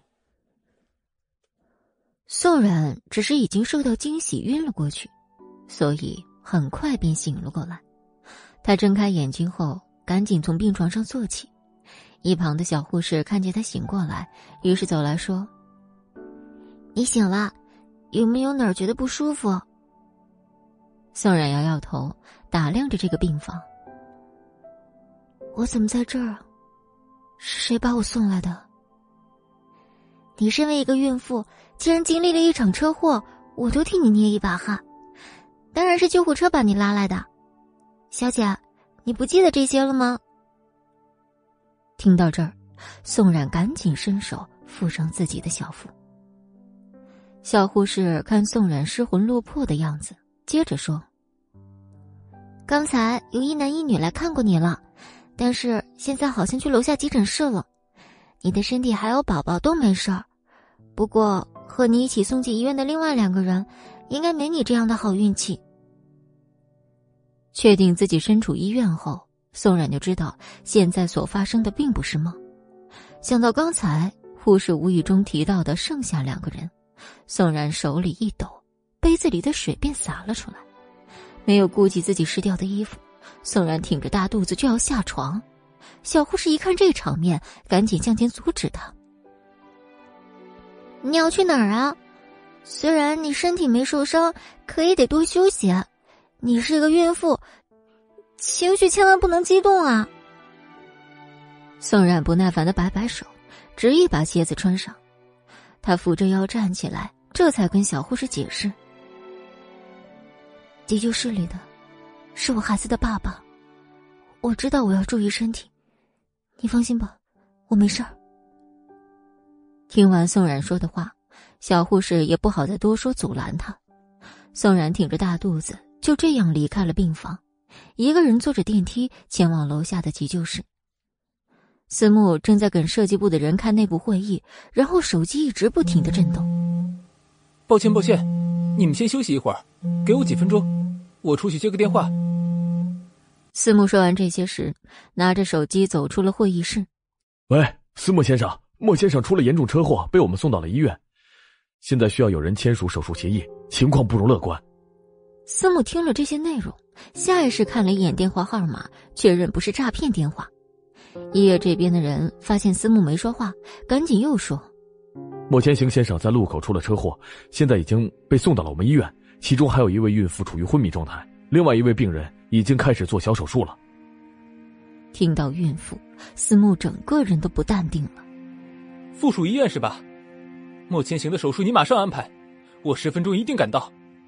还有另外两个人，也一定要保证他们的安全。都没有听医院那边说什么，思慕把手机放进口袋，开始前往慕云的办公室。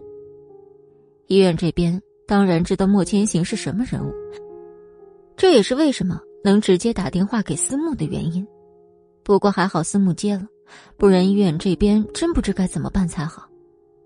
很快就有路人在网络上传了当时车祸的现场，这下网络上冲浪的网友直接炸了。等思慕跑到暮云办公室门口时，他先喘了几口气，然后把正在整理文件的暮云拽了出来。正在工作的看到这一幕，感觉自己受到了甜蜜暴击。就在大家以为思慕正在上演私奔的戏码时，不知谁先看到网上的热搜：“莫千行车祸”，还有各种吸引眼球的大标题。暮云被思慕一直拽到电梯里，然后再看向一脸紧张的思慕说：“你这是要带我去哪儿啊？这也太大张旗鼓了。”听着暮云轻松的玩笑话，思慕根本笑不出来。他慢慢的松开暮云的手。颤抖着声音诉说起了手机听到的事情。附属医院来了电话，他们出车祸了。莫总需要进行手术，宋冉小姐和小静昏迷，情况还不清楚。莫云看到思慕的样子，嘴角的笑意僵住。思慕是不会拿这种事儿开玩笑的，他赶紧拿出自己的手机。思慕把手机夺过来说：“别看了，现在肯定已经在网络上面开始传播了。”咱们现在直接去医院。现在最重要的事情，就是保证他们三个人的安全。电梯开了，停车场到了，思慕和慕云快速上车，火速赶往医院。医院里，宋冉没抬头，他知道自己到了，他感觉自己腿现在有千斤重，同时心里也是五味杂陈。这时候，宋冉不能打退堂鼓，于是就在电梯门感受不到有人要下去关上时，他迈着沉重的步伐下来了。急救室的灯现在还亮着，思慕还有暮云正在门前焦急的走来走去。看见这一幕，宋冉先是做了个深呼吸，然后才抬头开始往急救室这边走。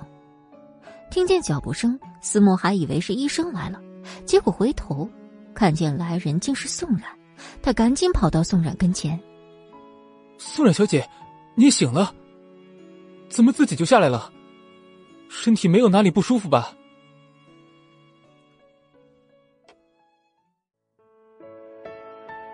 百九十五集，啊，我不放心，所以下来看看。你放心，我没事。这里面，这里是莫千行吗？听见宋然主动问这个问题，思慕只好点头承认。在一旁一直没说话的暮云，见宋冉在思慕点头后，身形明显的晃了下，他赶紧向前扶住宋冉的胳膊。一起坐到旁边的座椅上。这种时候，说再多的话都没有用，只能默默的祈祷莫千行可以平安无事。宋冉坐了几分钟后，感觉自己的脑子还是懵懵的。他突然想起了一同出车祸的小静，于是他问暮云：“小静他们是吧？还是？”宋冉小姐，你不用担心，小静虽然也在做手术。但医生说她没有生命危险，我们俩来医院也去看你了，不过当时你还没醒，所以我们就先来莫总这守着。你放心，莫总也会没事的。是啊，没事的，大家都会没事的，都会没事的。看宋冉现在失魂落魄的样子，思慕感觉。自己这时身为唯一的男生，一定要振作起来。这起车祸一定不是什么意外事件，所以现在他不能在医院里待着。宋冉小姐，眼前最重要的事情，就是等待莫总脱离危险期。我让暮云在这里陪着你。我现在准备去一趟警察局。今天你们这起车祸，我总感觉不像是什么意外事件，所以我打算去调查一下。宋冉挺着大肚子，仔细的回想了一下最近几天发生的事儿。其实自己每一天过的都是重复且无聊的，所以宋冉便把昨天医院给自己打电话通知下午两点检查身体的事儿告诉了思慕。那我先去一趟妇科。宋冉小姐，你感觉自己的身体不舒服，就让暮云扶你回病房里面休息。你现在可是两个人了，一定不要逞强。宋冉抬头看向急救室的红灯。好，你先去调查吧，说不定莫千行一会儿就出来了，我就在这等着。思慕给了暮云一个交流的眼神，自己便去了妇科。到了妇科以后，暮云找到了负责人，查到下午两点的预约根本没有宋冉的名字。看到这个登记名单。思慕心里已经完全确认，这次的车祸一定不是意外事件。思慕刚走没多久，一个护士跑过来：“暮云小姐，金先生的手术已经做完了，腿部缝针，身体其他都是皮外伤，现在可以转移到病房里休养即可。”在这这段时间来说，这算得上是一个好消息了。谢谢你告诉我们这些，我们一会儿就过去看他。宋然挺着肚子不好站起来，只能坐在椅子上说：“哎，我想问一下，这急救室的灯亮了多久了？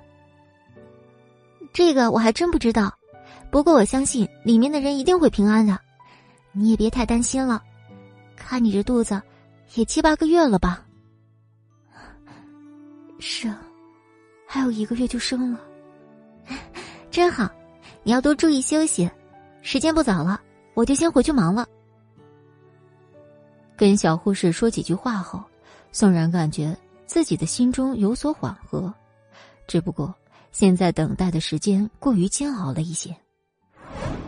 明蕊跟林雨柔在亲眼看见宋冉、莫千行他们出车祸后，便离开了那条路。这次的复仇计划那么成功，林雨柔感觉自己开心的都要飞起来了。他向开车的明蕊提议，今天不在小公寓里，要出去吃顿好的庆祝一下。他心里特别的爽，于是豪爽的答应了林雨柔的建议。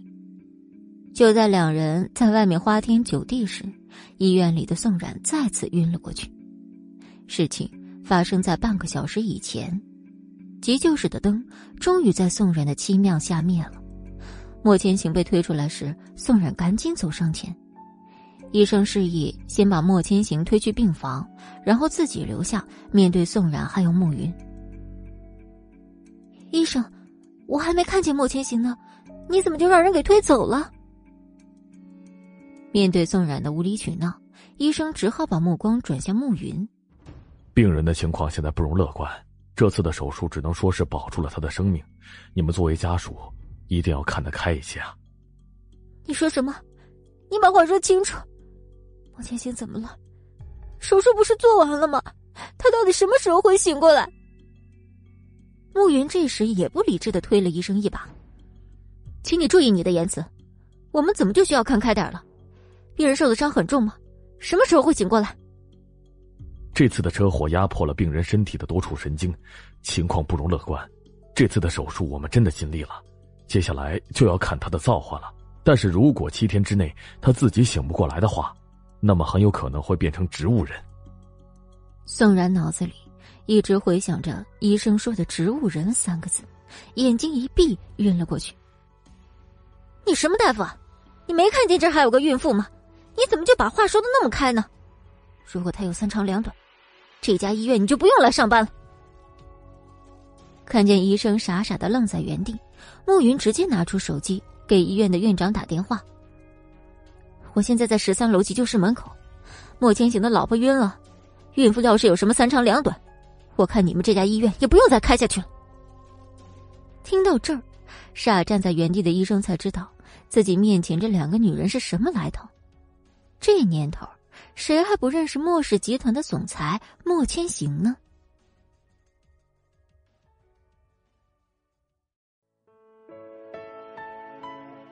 百九十六集，莫千行出车祸的事情上了新闻以后，最受益的人便是骑士集团。司慕查了一天，没有什么线索，然后便把自己的目光转移到了骑士集团的齐军身上。齐军知道这件事时，是哈伦过来告诉他的。这也是哈伦从那天离开自己办公室后第一次来找他。那天的对话让齐军很是难忘。莫千行被送去急救室了，宋冉昏迷不醒。齐军，你听到这消息，先想到的是什么？齐军坐在沙发上，盯着哈伦。你终于来找我了。我不是来找你的，我是来跟你告别的。齐军一听“告别”二字，不禁皱起了眉头。他忽然觉得面前这个女人变得很陌生，现在他不知该说什么好。海伦看齐军没有要说话的意思，于是自己接着说：“如果莫千行这次醒不过来，你就可以顺利上位。宋冉下个月差不多就要生了，你可以直接当孩子的爸爸。”不知道从什么时候开始的，我就已经不喜欢宋冉了。我对他的感情，更像是一种执念。但是我自己看不清楚我的内心。这段时间你没有来找我，我好像想清楚了。海伦根本不敢去看齐军炙热的眼神，不知为什么，自己坚定要回美国的心又动摇了。齐军看着不知所措的海伦，自己又向前站了一步。这次莫千行很有可能醒不过来，但是，我骑士集团肯定不会趁虚而入的。海伦，你要是跟我告别的话，那我一个人怎么办？海伦后退一步。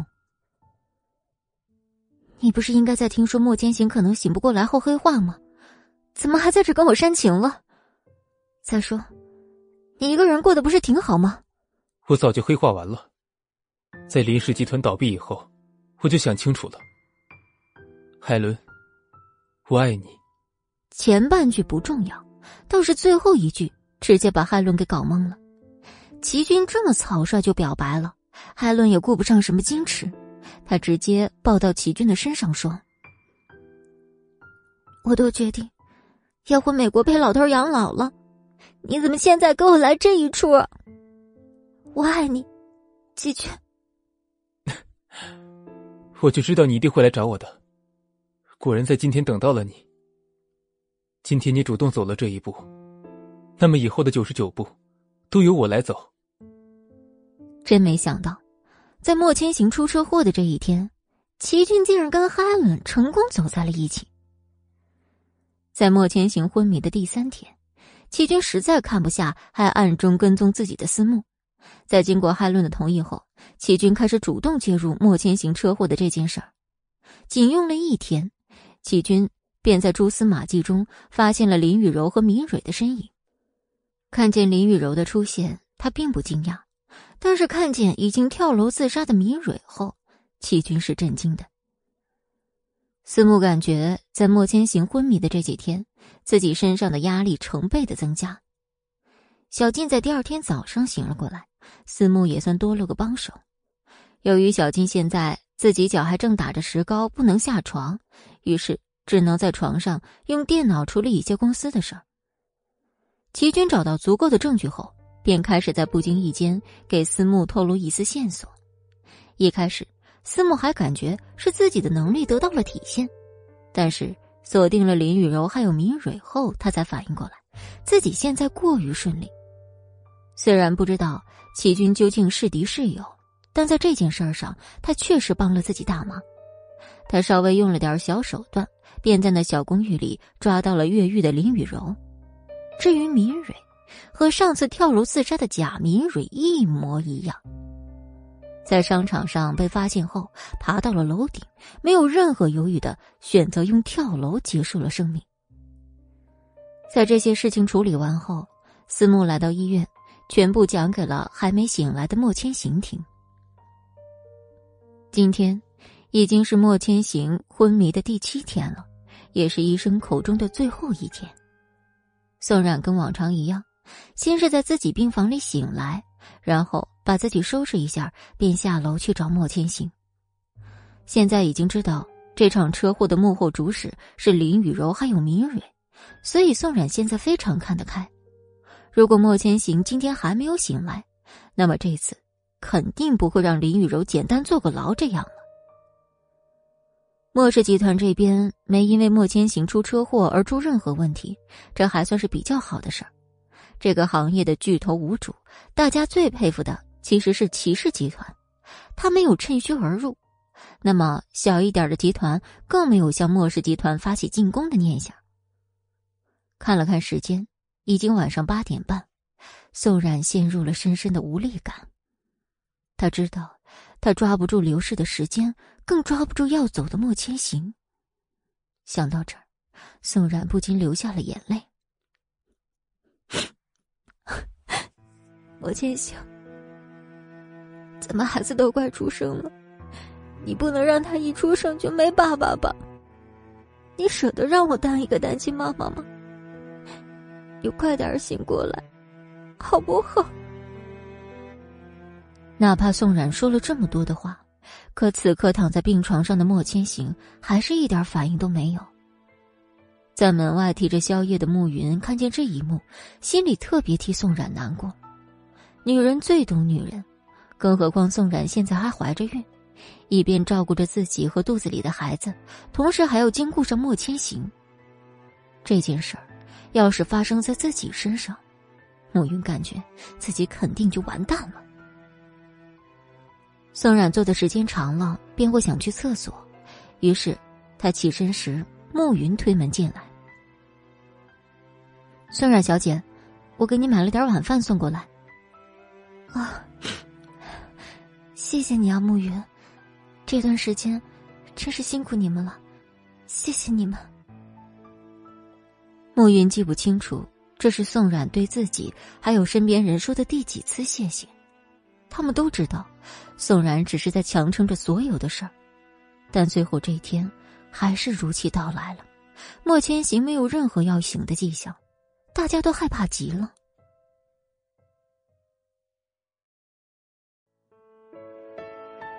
第四百九十七集，时间过得可真快，一转眼间，宋然发现马上要到十二点了。他戳了戳莫千行的脸，又轻轻的摸了摸。宋冉突然起身，指着躺在床上的莫千行说：“我早就不生气了，但是你要是还不醒的话，我真的就生气了。你不是说……”要把宋氏集团还给我吗？我现在同意了。还有，你的公司，我也一块要了。你快起来给我打工啊！莫千行的手指在这个时候动了一下，但宋冉的注意力都用在自己说话上，没注意到。我不想让我的孩子一出生就没有爸爸。我真的不知道该怎么办了，时间就快到了，我好害怕你还躺在这，你快醒来啊，莫千行！你哭的样子可真丑，都是要当妈的人了，怎么还动不动就哭鼻子呢？宋冉看着握着自己手的莫千行，还有他一眨一眨的眼睛，自己哭得更凶了。这个时候。莫千行只好使出自己的必杀技。我爱你，宋冉，你放心，孩子出生不会没有爸爸的，还有你也不会是什么单亲妈妈的。你，你听见我说的话了？你早就醒了，对不对？我确实是刚刚被你的哭声吵醒的，但是你这些天在我身边说的这些碎碎念，我全部都听见了。我还没有成植物人呢，所以你说的那些假设。现在都不成立了。你一醒来就这么有活力，那我就放心了。苏然，嫁给我吧。我不是在做梦吧？难道我现在在做梦？这不科学啊！苏然，这不是梦，你下个月都要给我生孩子了，嫁给我是迟早的事，所以你不需要考虑。我爱你。好，莫千行，这次你别想再逃了。我以后再也不睡懒觉了。这几天你快把我吓死了。现在已经是半夜十二点，宋冉巨大的哭声一直回荡在医院的楼层里。接下来的时间，莫千行开始给宋冉讲这些天他躺在床上做的梦。一个多小时又过去了，但宋冉挺着大肚子，依然趴在莫千行的床边，不舍得走。宋冉，你平时在哪里睡觉的？现在已经很晚了，你要去休息了。嗯，我在产科那边有自己的屋子，但我想跟你待在一起，我不舍得走。不行，你还怀着孩子呢，赶紧去睡觉吧，明天早上再来看我。事实就是。莫千行说话不好用，宋冉并不听他的。最后解决的办法就是宋冉打电话给思慕，但负责说话的人是莫千行。喂，宋冉现在赖在我这里不走，你买个舒服的床送到这边来，让他跟我一个房间里面睡。思慕听着莫千行的声音，还以为自己出现了幻觉，但还是条件反射的说：“好的，莫总。”挂断电话。思慕还是觉得不真实，于是他开车前往医院，并没有告诉慕云。直到自己真的在病床上看到醒过来的莫千行，他感觉自己这段时间做的事儿都是值得的。第二天一早，莫氏集团便将莫千行醒来的消息告诉了所有人。中午的时候，莫千行也在病房里迎来了两位特别的朋友。我还以为你要死了呢。没有想到你命那么硬。今天来呢，我是专门带我女朋友给你认识一下的。你赶紧好起来，我还等着你给我当伴郎呢。齐军，谁给谁当伴郎还不一定呢。等我出院，我也要和宋冉结婚，而且我们孩子马上就要出生了。不知从哪儿来的胜负欲，这两个大男孩开始了一段攀比。宋冉都不知道莫千行是什么时候和齐军成为朋友的。海伦今天被告知来看莫千行时，心里也是震惊的。但这两个男人就像老朋友一样，聊起天来完全没有一丝尴尬的样子。接下来的这段时间就是莫千行个人恢复时间了。终于出院以后，莫千行便赶紧先带着宋冉去把结婚证领了。这是个普普通通的下午，王妈和平时一样。上楼叫莫千行和宋冉下去吃饭，上一秒还在下楼的宋冉，下一秒便一本正经的说：“莫千行，我感觉我羊水好像破了。”莫千行先是愣了下，然后以最快的速度到达了医院。在宋冉被推进手术室后，自己简直紧张死了。直到听见孩子的哭声，莫千行噌的一下从椅子上起身。随后，便有小护士跑出来对莫千行说：“啊，恭喜恭喜，是对龙凤胎。”这可是莫千行第一次当爸爸，他想，他一定会学着做一个好爸爸的。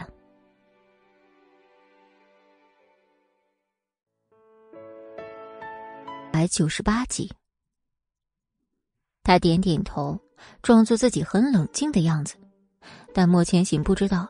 是他紧张的手已经出卖了他。莫千行的模样，小护士是认识的，所以他笑着说：“莫先生，你可真有福气，这头一胎就儿女双全了，恭喜啊！”莫千行礼貌的笑了笑，然后看着手术室上的红灯：“这个灯怎么还不灭啊？苏冉现在在里面怎么样了？她什么时候能出来啊？”小护士在妇产科那么长时间，怎么说也见过形形色色的男人。本来像莫千行这种有钱有颜的男人本就少见，更何况是平常难得一遇的莫氏集团的总裁。他还以为现在在手术室里给莫千行生孩子的女人只是一个生孩子的工具，现在看来是自己过于肤浅了。莫千行可是一开口不问孩子。直接问自己老婆怎么样的男人，这细节太加分了。不过，小护士只能在心里默默的羡慕，这种情况真的少之又少。小护士虽然心里想法千千万，但还是非常有职业操守。莫先生，你放心吧，宋小姐应该很快就可以出来了。几分钟后，手术室的灯灭了。莫千行看着手术室的门被打开，他掠过小护士，直接大步走到宋冉跟前。刚生完孩子的宋冉现在一点力气都没有，只是微笑的、安静的看着莫千行。莫千行的目光先是上下打量了一下宋冉，然后看着他苍白的脸说：“我现在终于体会到了我进手术室的时候，你在外面等我的感受，这种滋味真的非常的不舒服。”不过还好，一切进行的都还算顺利。宋冉笑着点头，其实自己心里有很多话想讲给他听。这时，旁边推车的医生说：“莫先生，你放心好了，一切都进行的很顺利，宋小姐跟孩子都非常健康，在这个时间上呢，也没拖太久，孩子就顺利出来了。我们现在先把他推去病房里休息，孩子已经被送保温箱了。”莫千行满意的点点头，看着被推走的宋冉，他这才想起自己的孩子。生孩子可真是一件体力活宋冉感觉自己被推进病房那几分钟异常的煎熬。龙凤胎是他没想到的，但是他也很满足。莫千行问过医生以后，怀着期待的心情来到了孩子这儿，让他没想到的是，他在这儿发现了小静的身影。此刻的小静正背对着自己，趴在玻璃上看着小孩子。看着这一幕，莫千行感觉很是感慨。我没有想到，我那么快就当了父亲，而且一下子就有了两个小生命因为自己诞生了。莫总，你现在就是世界上最幸福的男人了。父亲可是你新的一种身份，而且这下家里面一下就多了两个小宝贝呢。对了，宋冉小姐现在怎么样了？是啊，我是第一次当爸爸，他们俩同样也是第一次做孩子呢。之前都没有听过你们提起孩子是龙凤胎呢。我这个做叔叔的，现在要赶紧准备礼物了。小孩子真的是太可爱了，莫总，你快过来呀！莫千行没想到，小静竟然比自己先一步过来看孩子了。宋冉当时查出来肚子里面有两个孩子的时候，第一个想法就是不打算告诉大家，毕竟最重要的事情还是保证他的安全，所以你们不知道也很正常。小静表示理解的点点头，这事儿小静不知莫千星的心里还有一丝得意。不过，小静比自己过来的早，这事儿莫千星还是很吃醋的。毕竟是自己的小孩，结果先被小静看了那么久。想到这儿，莫千行并不打算理小静，但这个时候，他的身体却很诚实的往玻璃这边靠了靠，看着小静跟着自己也向前靠了靠。莫千行转头，直接瞪了他一眼。小静一头雾水，并不知道自己做错了什么。上一秒还在瞪小静的莫千行那么的严肃，但是在看见两个小孩这一秒，莫千行就立刻变得慈祥了起来。刚出来的小孩身体原来只有那么一丁点儿，莫千行感觉他们俩加起来才差不多点大。莫千行本来是要进房间的。可不知为什么，自己就跟小静在门口趴起了窗户。这时，医生从远处走来，看见莫千行后说：“莫先生，孩子现在放在保温箱里，是因为他们两个刚出来还有点虚弱，等一会儿适应了环境，明天晚上便可以抱回宋小姐的病房了。”莫千行的心里还是有很多顾虑的，就在刚想说出自己不放心时。两个小孩像是有心电感应一样，呜啊呜啊的叫了起来，好像是在说自己现在很好，让莫千行放心。莫千行没有说话，眼神看向医生。小静在一旁特别好奇的问：“医生，他们这是怎么了？”“哦，孩子应该是饿了，我这就叫护士过来看看。”小静觉得孩子太神奇了。自己也算是懂了一个新的知识点。小孩子隔着玻璃，还在里面咿呀咿呀的发出声音。莫千行就这样隔着玻璃静静的看着。要是在以前，莫千行肯定会嫌弃这聒噪的声音，但现在竟会觉得这声音有些悦耳。在这盯着小孩看的两个大男人完全忘了时间，医生在一旁也只好陪着。等护士来了后。莫千行跟小静便跟着进去。这个时候的小孩特别给面不一会儿便不闹了。莫千行看够了以后，便跟小静一起回了宋冉的病房。宋冉已经稍稍恢复了一些。我听医生说，你去看孩子了，他们现在一切都好吧？孩子挺好的，医生说是因为刚生下来有些虚弱，所以才放进了保温箱里面。差不多晚上的时候就可以抱回来了，到时候啊，你就可以一直看见孩子们了。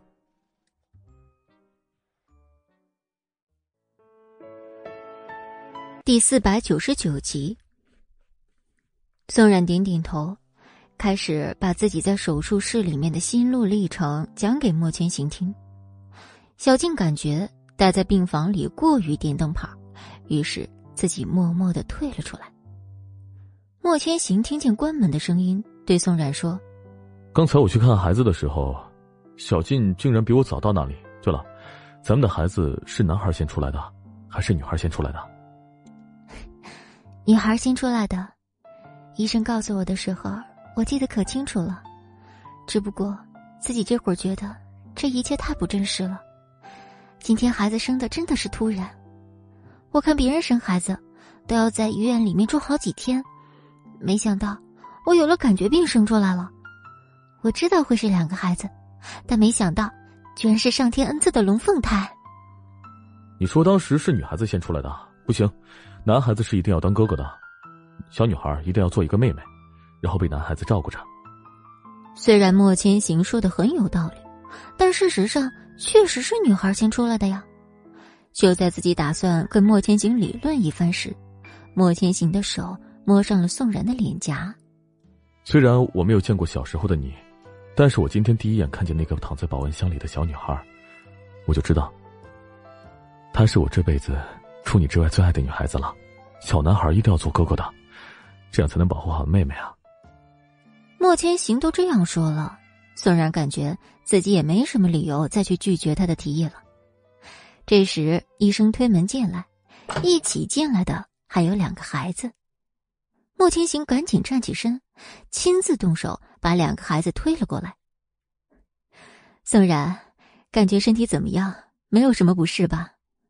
啊，谢谢医生的关心，我感觉一切都好。我们家是哥哥和妹妹。等你上报出生时间的时候，别搞错了。医生先是愣了下，然后很快便明白了莫千行话中的意思。啊，好的，莫总，我明白的。有钱真好呀，连小孩的出生证明都可以改。不过他心里也知道，莫千行做这一切都是为了两个宝宝好。宋冉自己也学着做一个合格的母亲了。第三天开始，陆续有人来看望宋冉和两个宝宝。大家提到最多的问题便是孩子的名字。在这件事上，莫千行跟宋冉好像还真没认真想过。于是，当病房里只剩下他俩时，宋冉试探的问：“莫千行，孩子的名字你有想过吗？”两情若是长久时，又岂在朝朝暮暮。咱们一路走来不容易，孩子就叫昭昭和木木吧。其实宋冉心中也有一个想法，跟莫千行的想法差不多。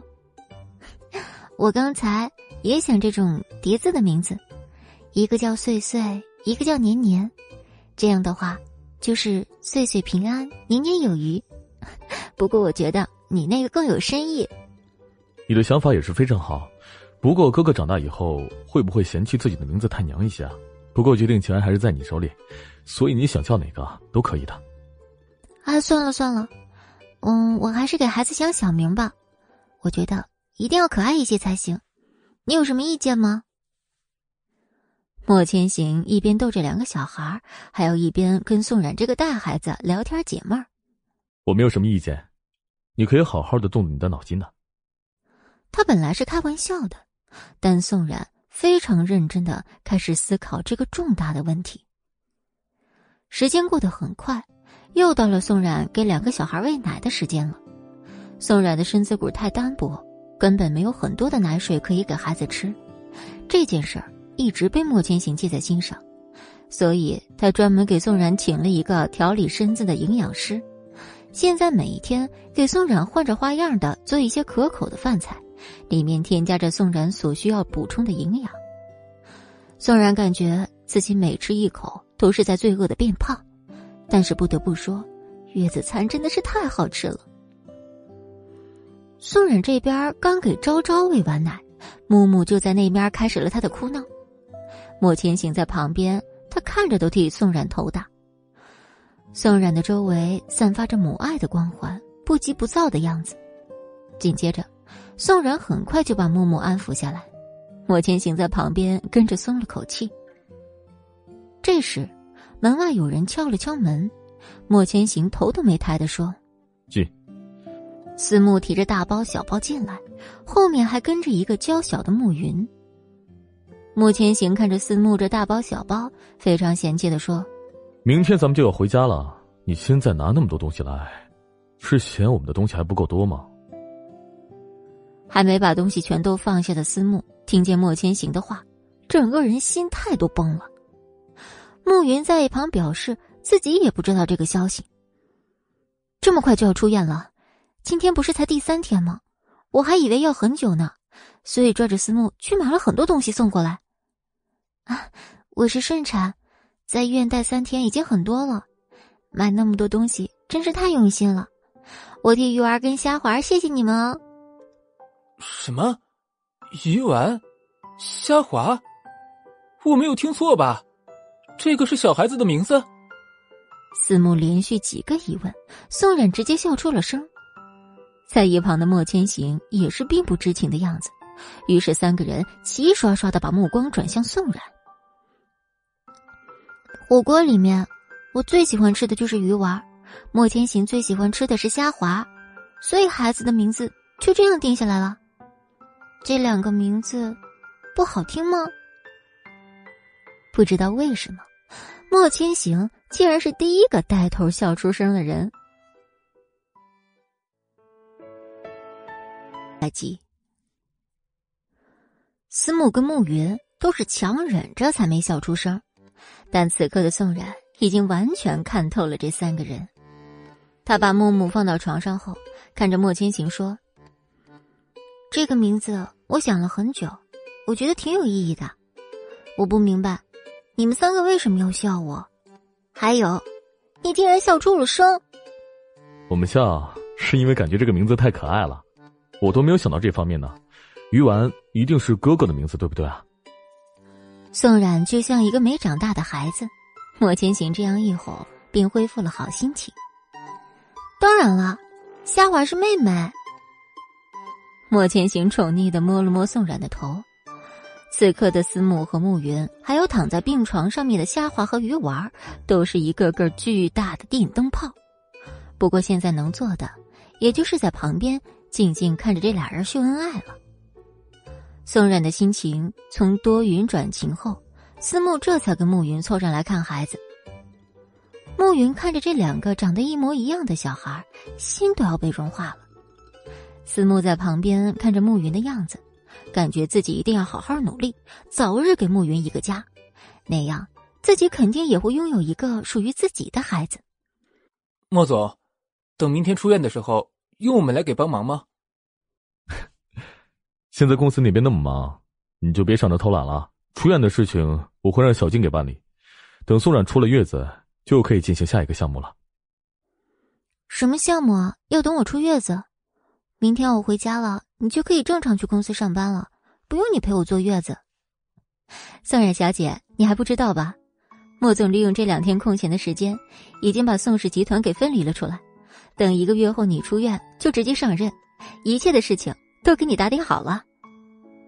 啊，我宋氏集团不是被并了莫氏集团了吗？分离可是个大工程。莫千行，你怎么没告诉我一声啊？很早之前我就告诉你了，只不过当时你并不同意。但是我可是清清楚楚记得你在我出车祸的时候答应我了，我就是一个给你打工的而已。小静推门进来，正好听到这最后一句，她心里是万分震惊的。现在国内最大的末世集团总裁竟然用“打工”来形容自己，这可真是太让人感叹了。小静，你来了，正好帮我一起收拾一下这些大包小包的东西吧。我知道你最好了，你帮我拿到停车场吧。面对不要脸的思慕，小静只是白了个白眼儿，便乖乖的开始帮他收拾东西。暮云看思慕这个样子，也只是无奈的摇摇头。他也是个长不大的孩子，但暮云觉得这样也挺好。每一天都会有很多开心的事情发生，而且这么多天的恋爱谈下来，暮云一点都不累。宋冉没理他们打情骂俏，只是担忧的看着莫千行。你真的想清楚了？你真要把莫氏集团？重新分离出来吗？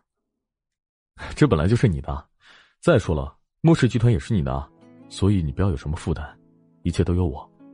你只需要好好的把月子做完，然后就是宋氏集团的负责人了。宋冉似懂非懂的看着莫千行，不自觉的把自己的手指放进了嘴巴。看样子我要两个手都牵住你才能老实啊！你不要有什么压力啊！如果这件事对于你来说的话是一种负担。那么，这并不是我的初衷。有句老话说得好：“一孕傻三年。”我没觉得这是种负担，但是，这对我来说是一种挑战。我不知道我会把集团经营成什么样，我有些害怕。这时，一旁收拾东西的思慕突然插话：“一孕傻三年，这个说法你是在哪里听到的？我亲爱的宋冉小姐，你哪里傻了？再说了，有莫总在你后面撑着，你怕啥？”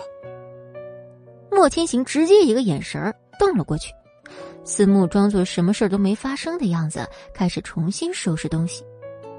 看见这一幕的宋冉笑出了声，心情一下子就好多了。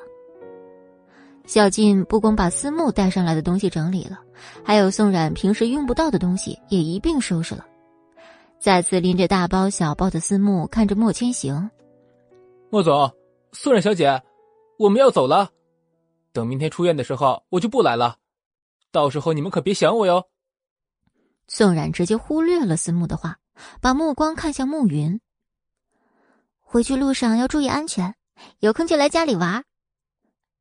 好的，我肯定一有时间就去看你。夏华和玉儿真是太可爱了，小孩子身上还有股奶香味儿。你现在能清楚的分屏谁是鱼丸，谁是虾滑吗？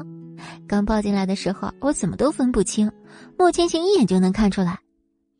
照你这样说，确实有一些一孕傻三年的征兆呢。更何况你还生了两个。那么就是要傻六年呢。听到这儿，宋冉再也忍不下去了，瞬间伸出自己的小拳头，开始捶莫千行。三个人看见又开始打打闹闹的两人，赶紧一起撤出了病房。